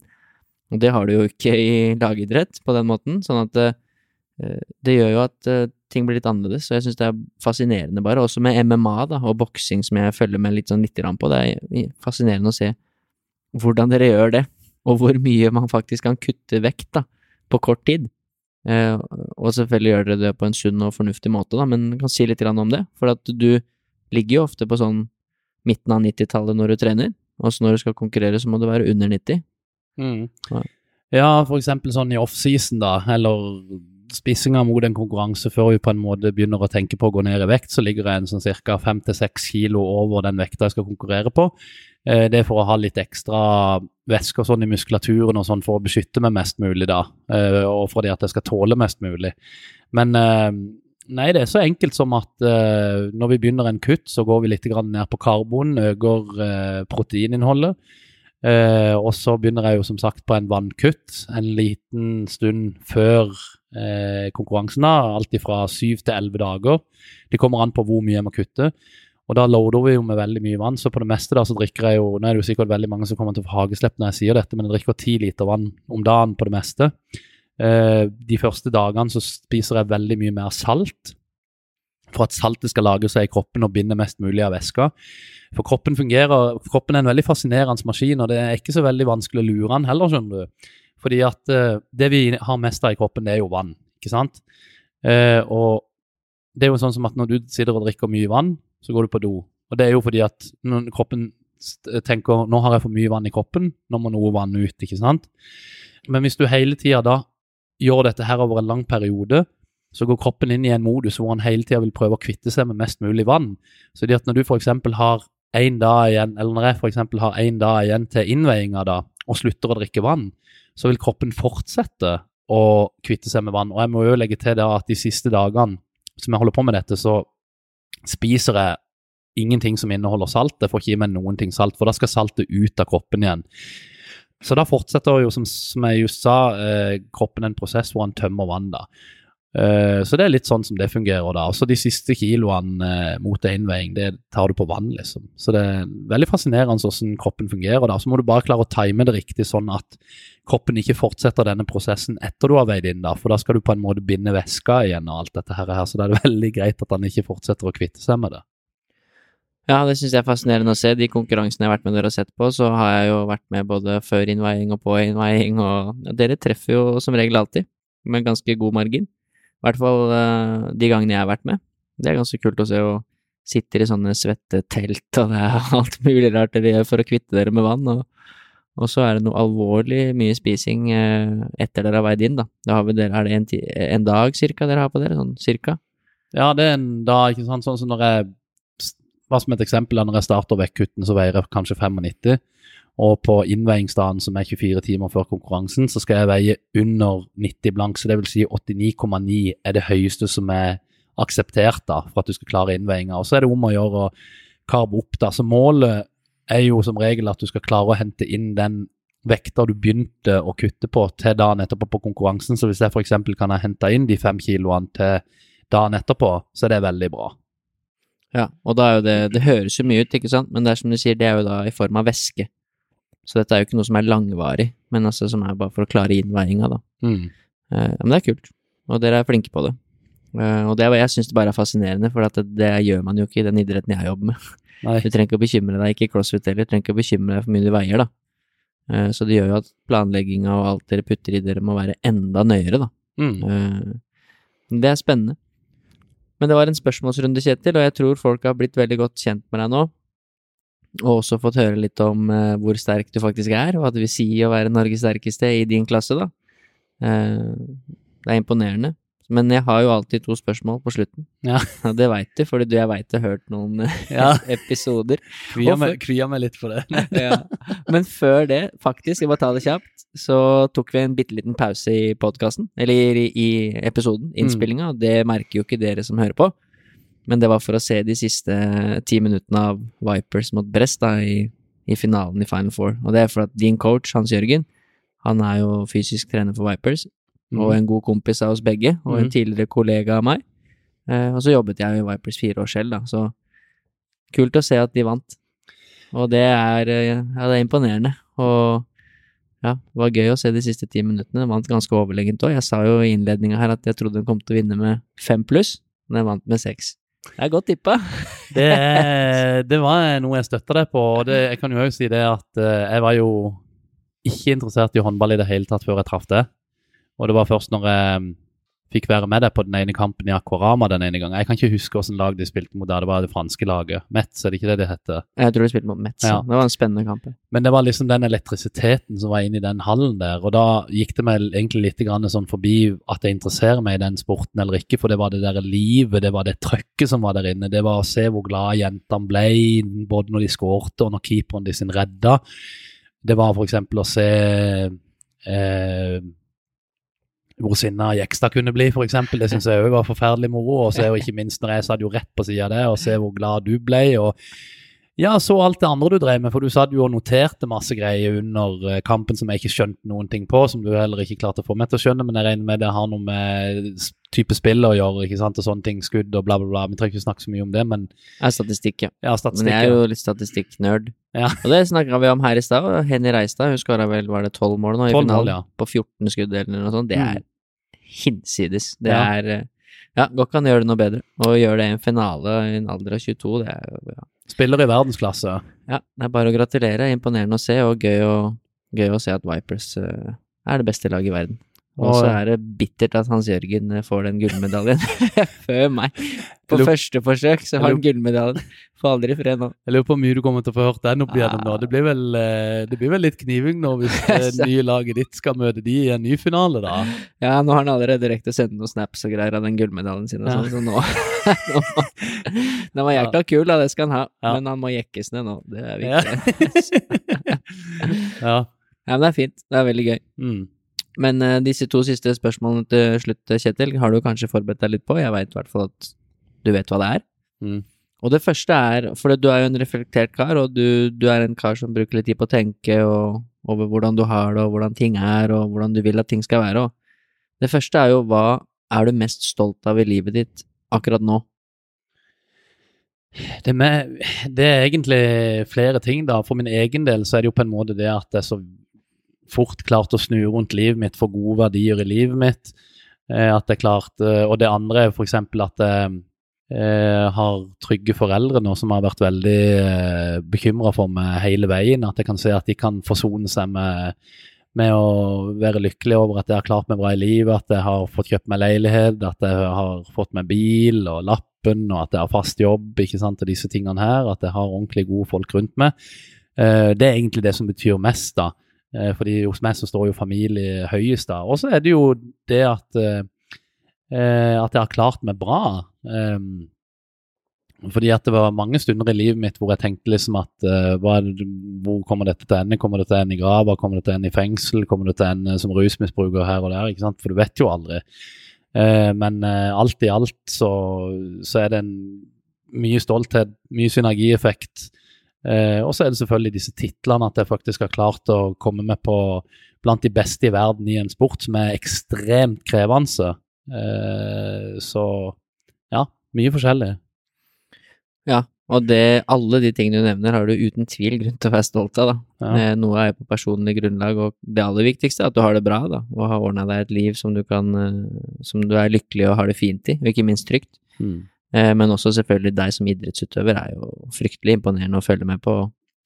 Som sagt, som du sa, det er ikke over enda, og EM er neste, og NM igjen snart, og kanskje åpner det seg opp en mulighet for VM en gang i tida òg. Det har vært kult, da, da skal jeg bli med. Mm. Det har jeg sagt før, skal jeg være med ned. Nice. Sammen med Hans Jørgen, og så skal jeg lage litt mat for dere, på ekte asiatisk vis.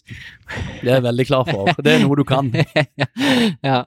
Og så er det siste spørsmålet, Kjetil, er jo at det har jo det har vært et vanskelig år for mange. Det har vært eh, korona, og det har vært mange ting, og du har jo også hatt korona selv. Så jeg skal ikke snakke så mye om det, men du blei ganske dårlig. Uh, og det gikk hardt utover både treninga di og, og helsa di en periode der.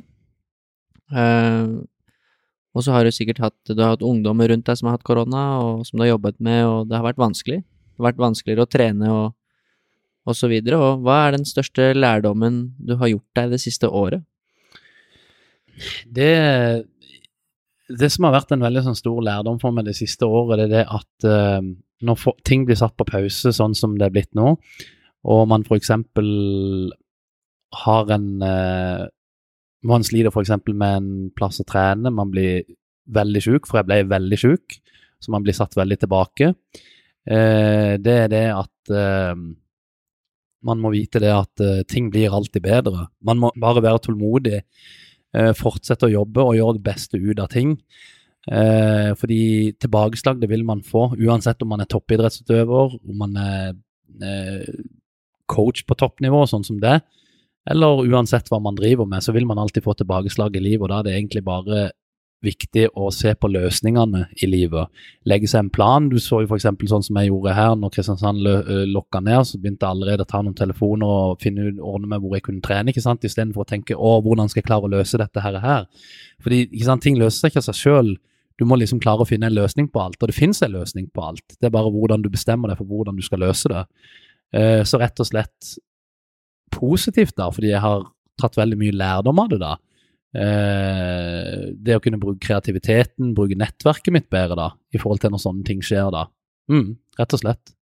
Ja, det er bra. Og du er jo flink til å finne løsninger, og du er flink til å, å, å være positiv, da.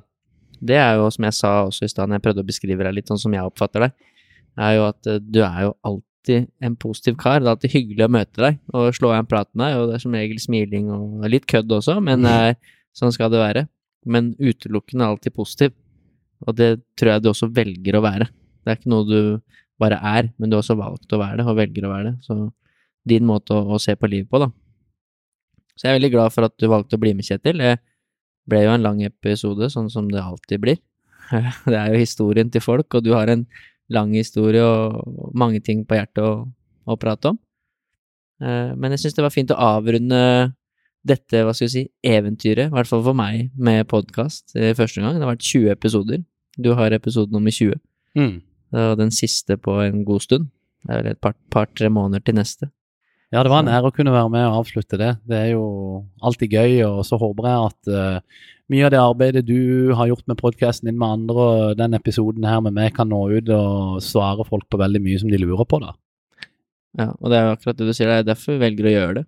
Å bruke tid. Altså, man bruker, man bruker to-tre timer på å spille inn en episode, uh, man må avtale tid, man må kjøpe utstyr som koster mye penger, man må redigere som koster mye penger, man må få det ut på plattformer som koster penger, og du blir ikke rik av å lage podkast heller, Nei. men det er noe med det at hvis det kan hjelpe noen andre og, skape litt inspirasjon, da, og litt uh, glede der ute til andre som kanskje sliter, ikke nødvendigvis sliter, men som trenger inspirasjon for å gjøre enda bedre det de holder på med nå, eller skifte litt uh, retning i livet, sånn som du gjorde, så er det på en måte verdt det, da. Man blir rik på lykke. Absolutt. Uh, så jeg syns det er kult å avrunde denne runden med podkast, i hvert fall de første 20 episodene. Sesong én, hvis vi kan kalle det for det, med, oh, yeah. med deg. Så takk for at du stilte opp, Kjetil. Og du skal få lov til å ta turen nedover til Kristiansand igjen snart nå, så du har uthvilt litt trening i morgen. Og så regner jeg med at vi snakkes ganske snart. Det gjør vi. Før eller siden. ja, takk skal du ha. Hyggelig. Tusen takk for at du har satt av tid til å lytte. Det setter jeg stor pris på, og jeg håper at du sitter igjen med noe verdifullt. Hvis du ønsker mer inspirasjon til trening og helse, følg meg, coach Elo, på Instagram. Der kan du også stille meg spørsmål, samt komme med tilbakemeldinger til podkasten. Du finner lenken i episodebeskrivelsen.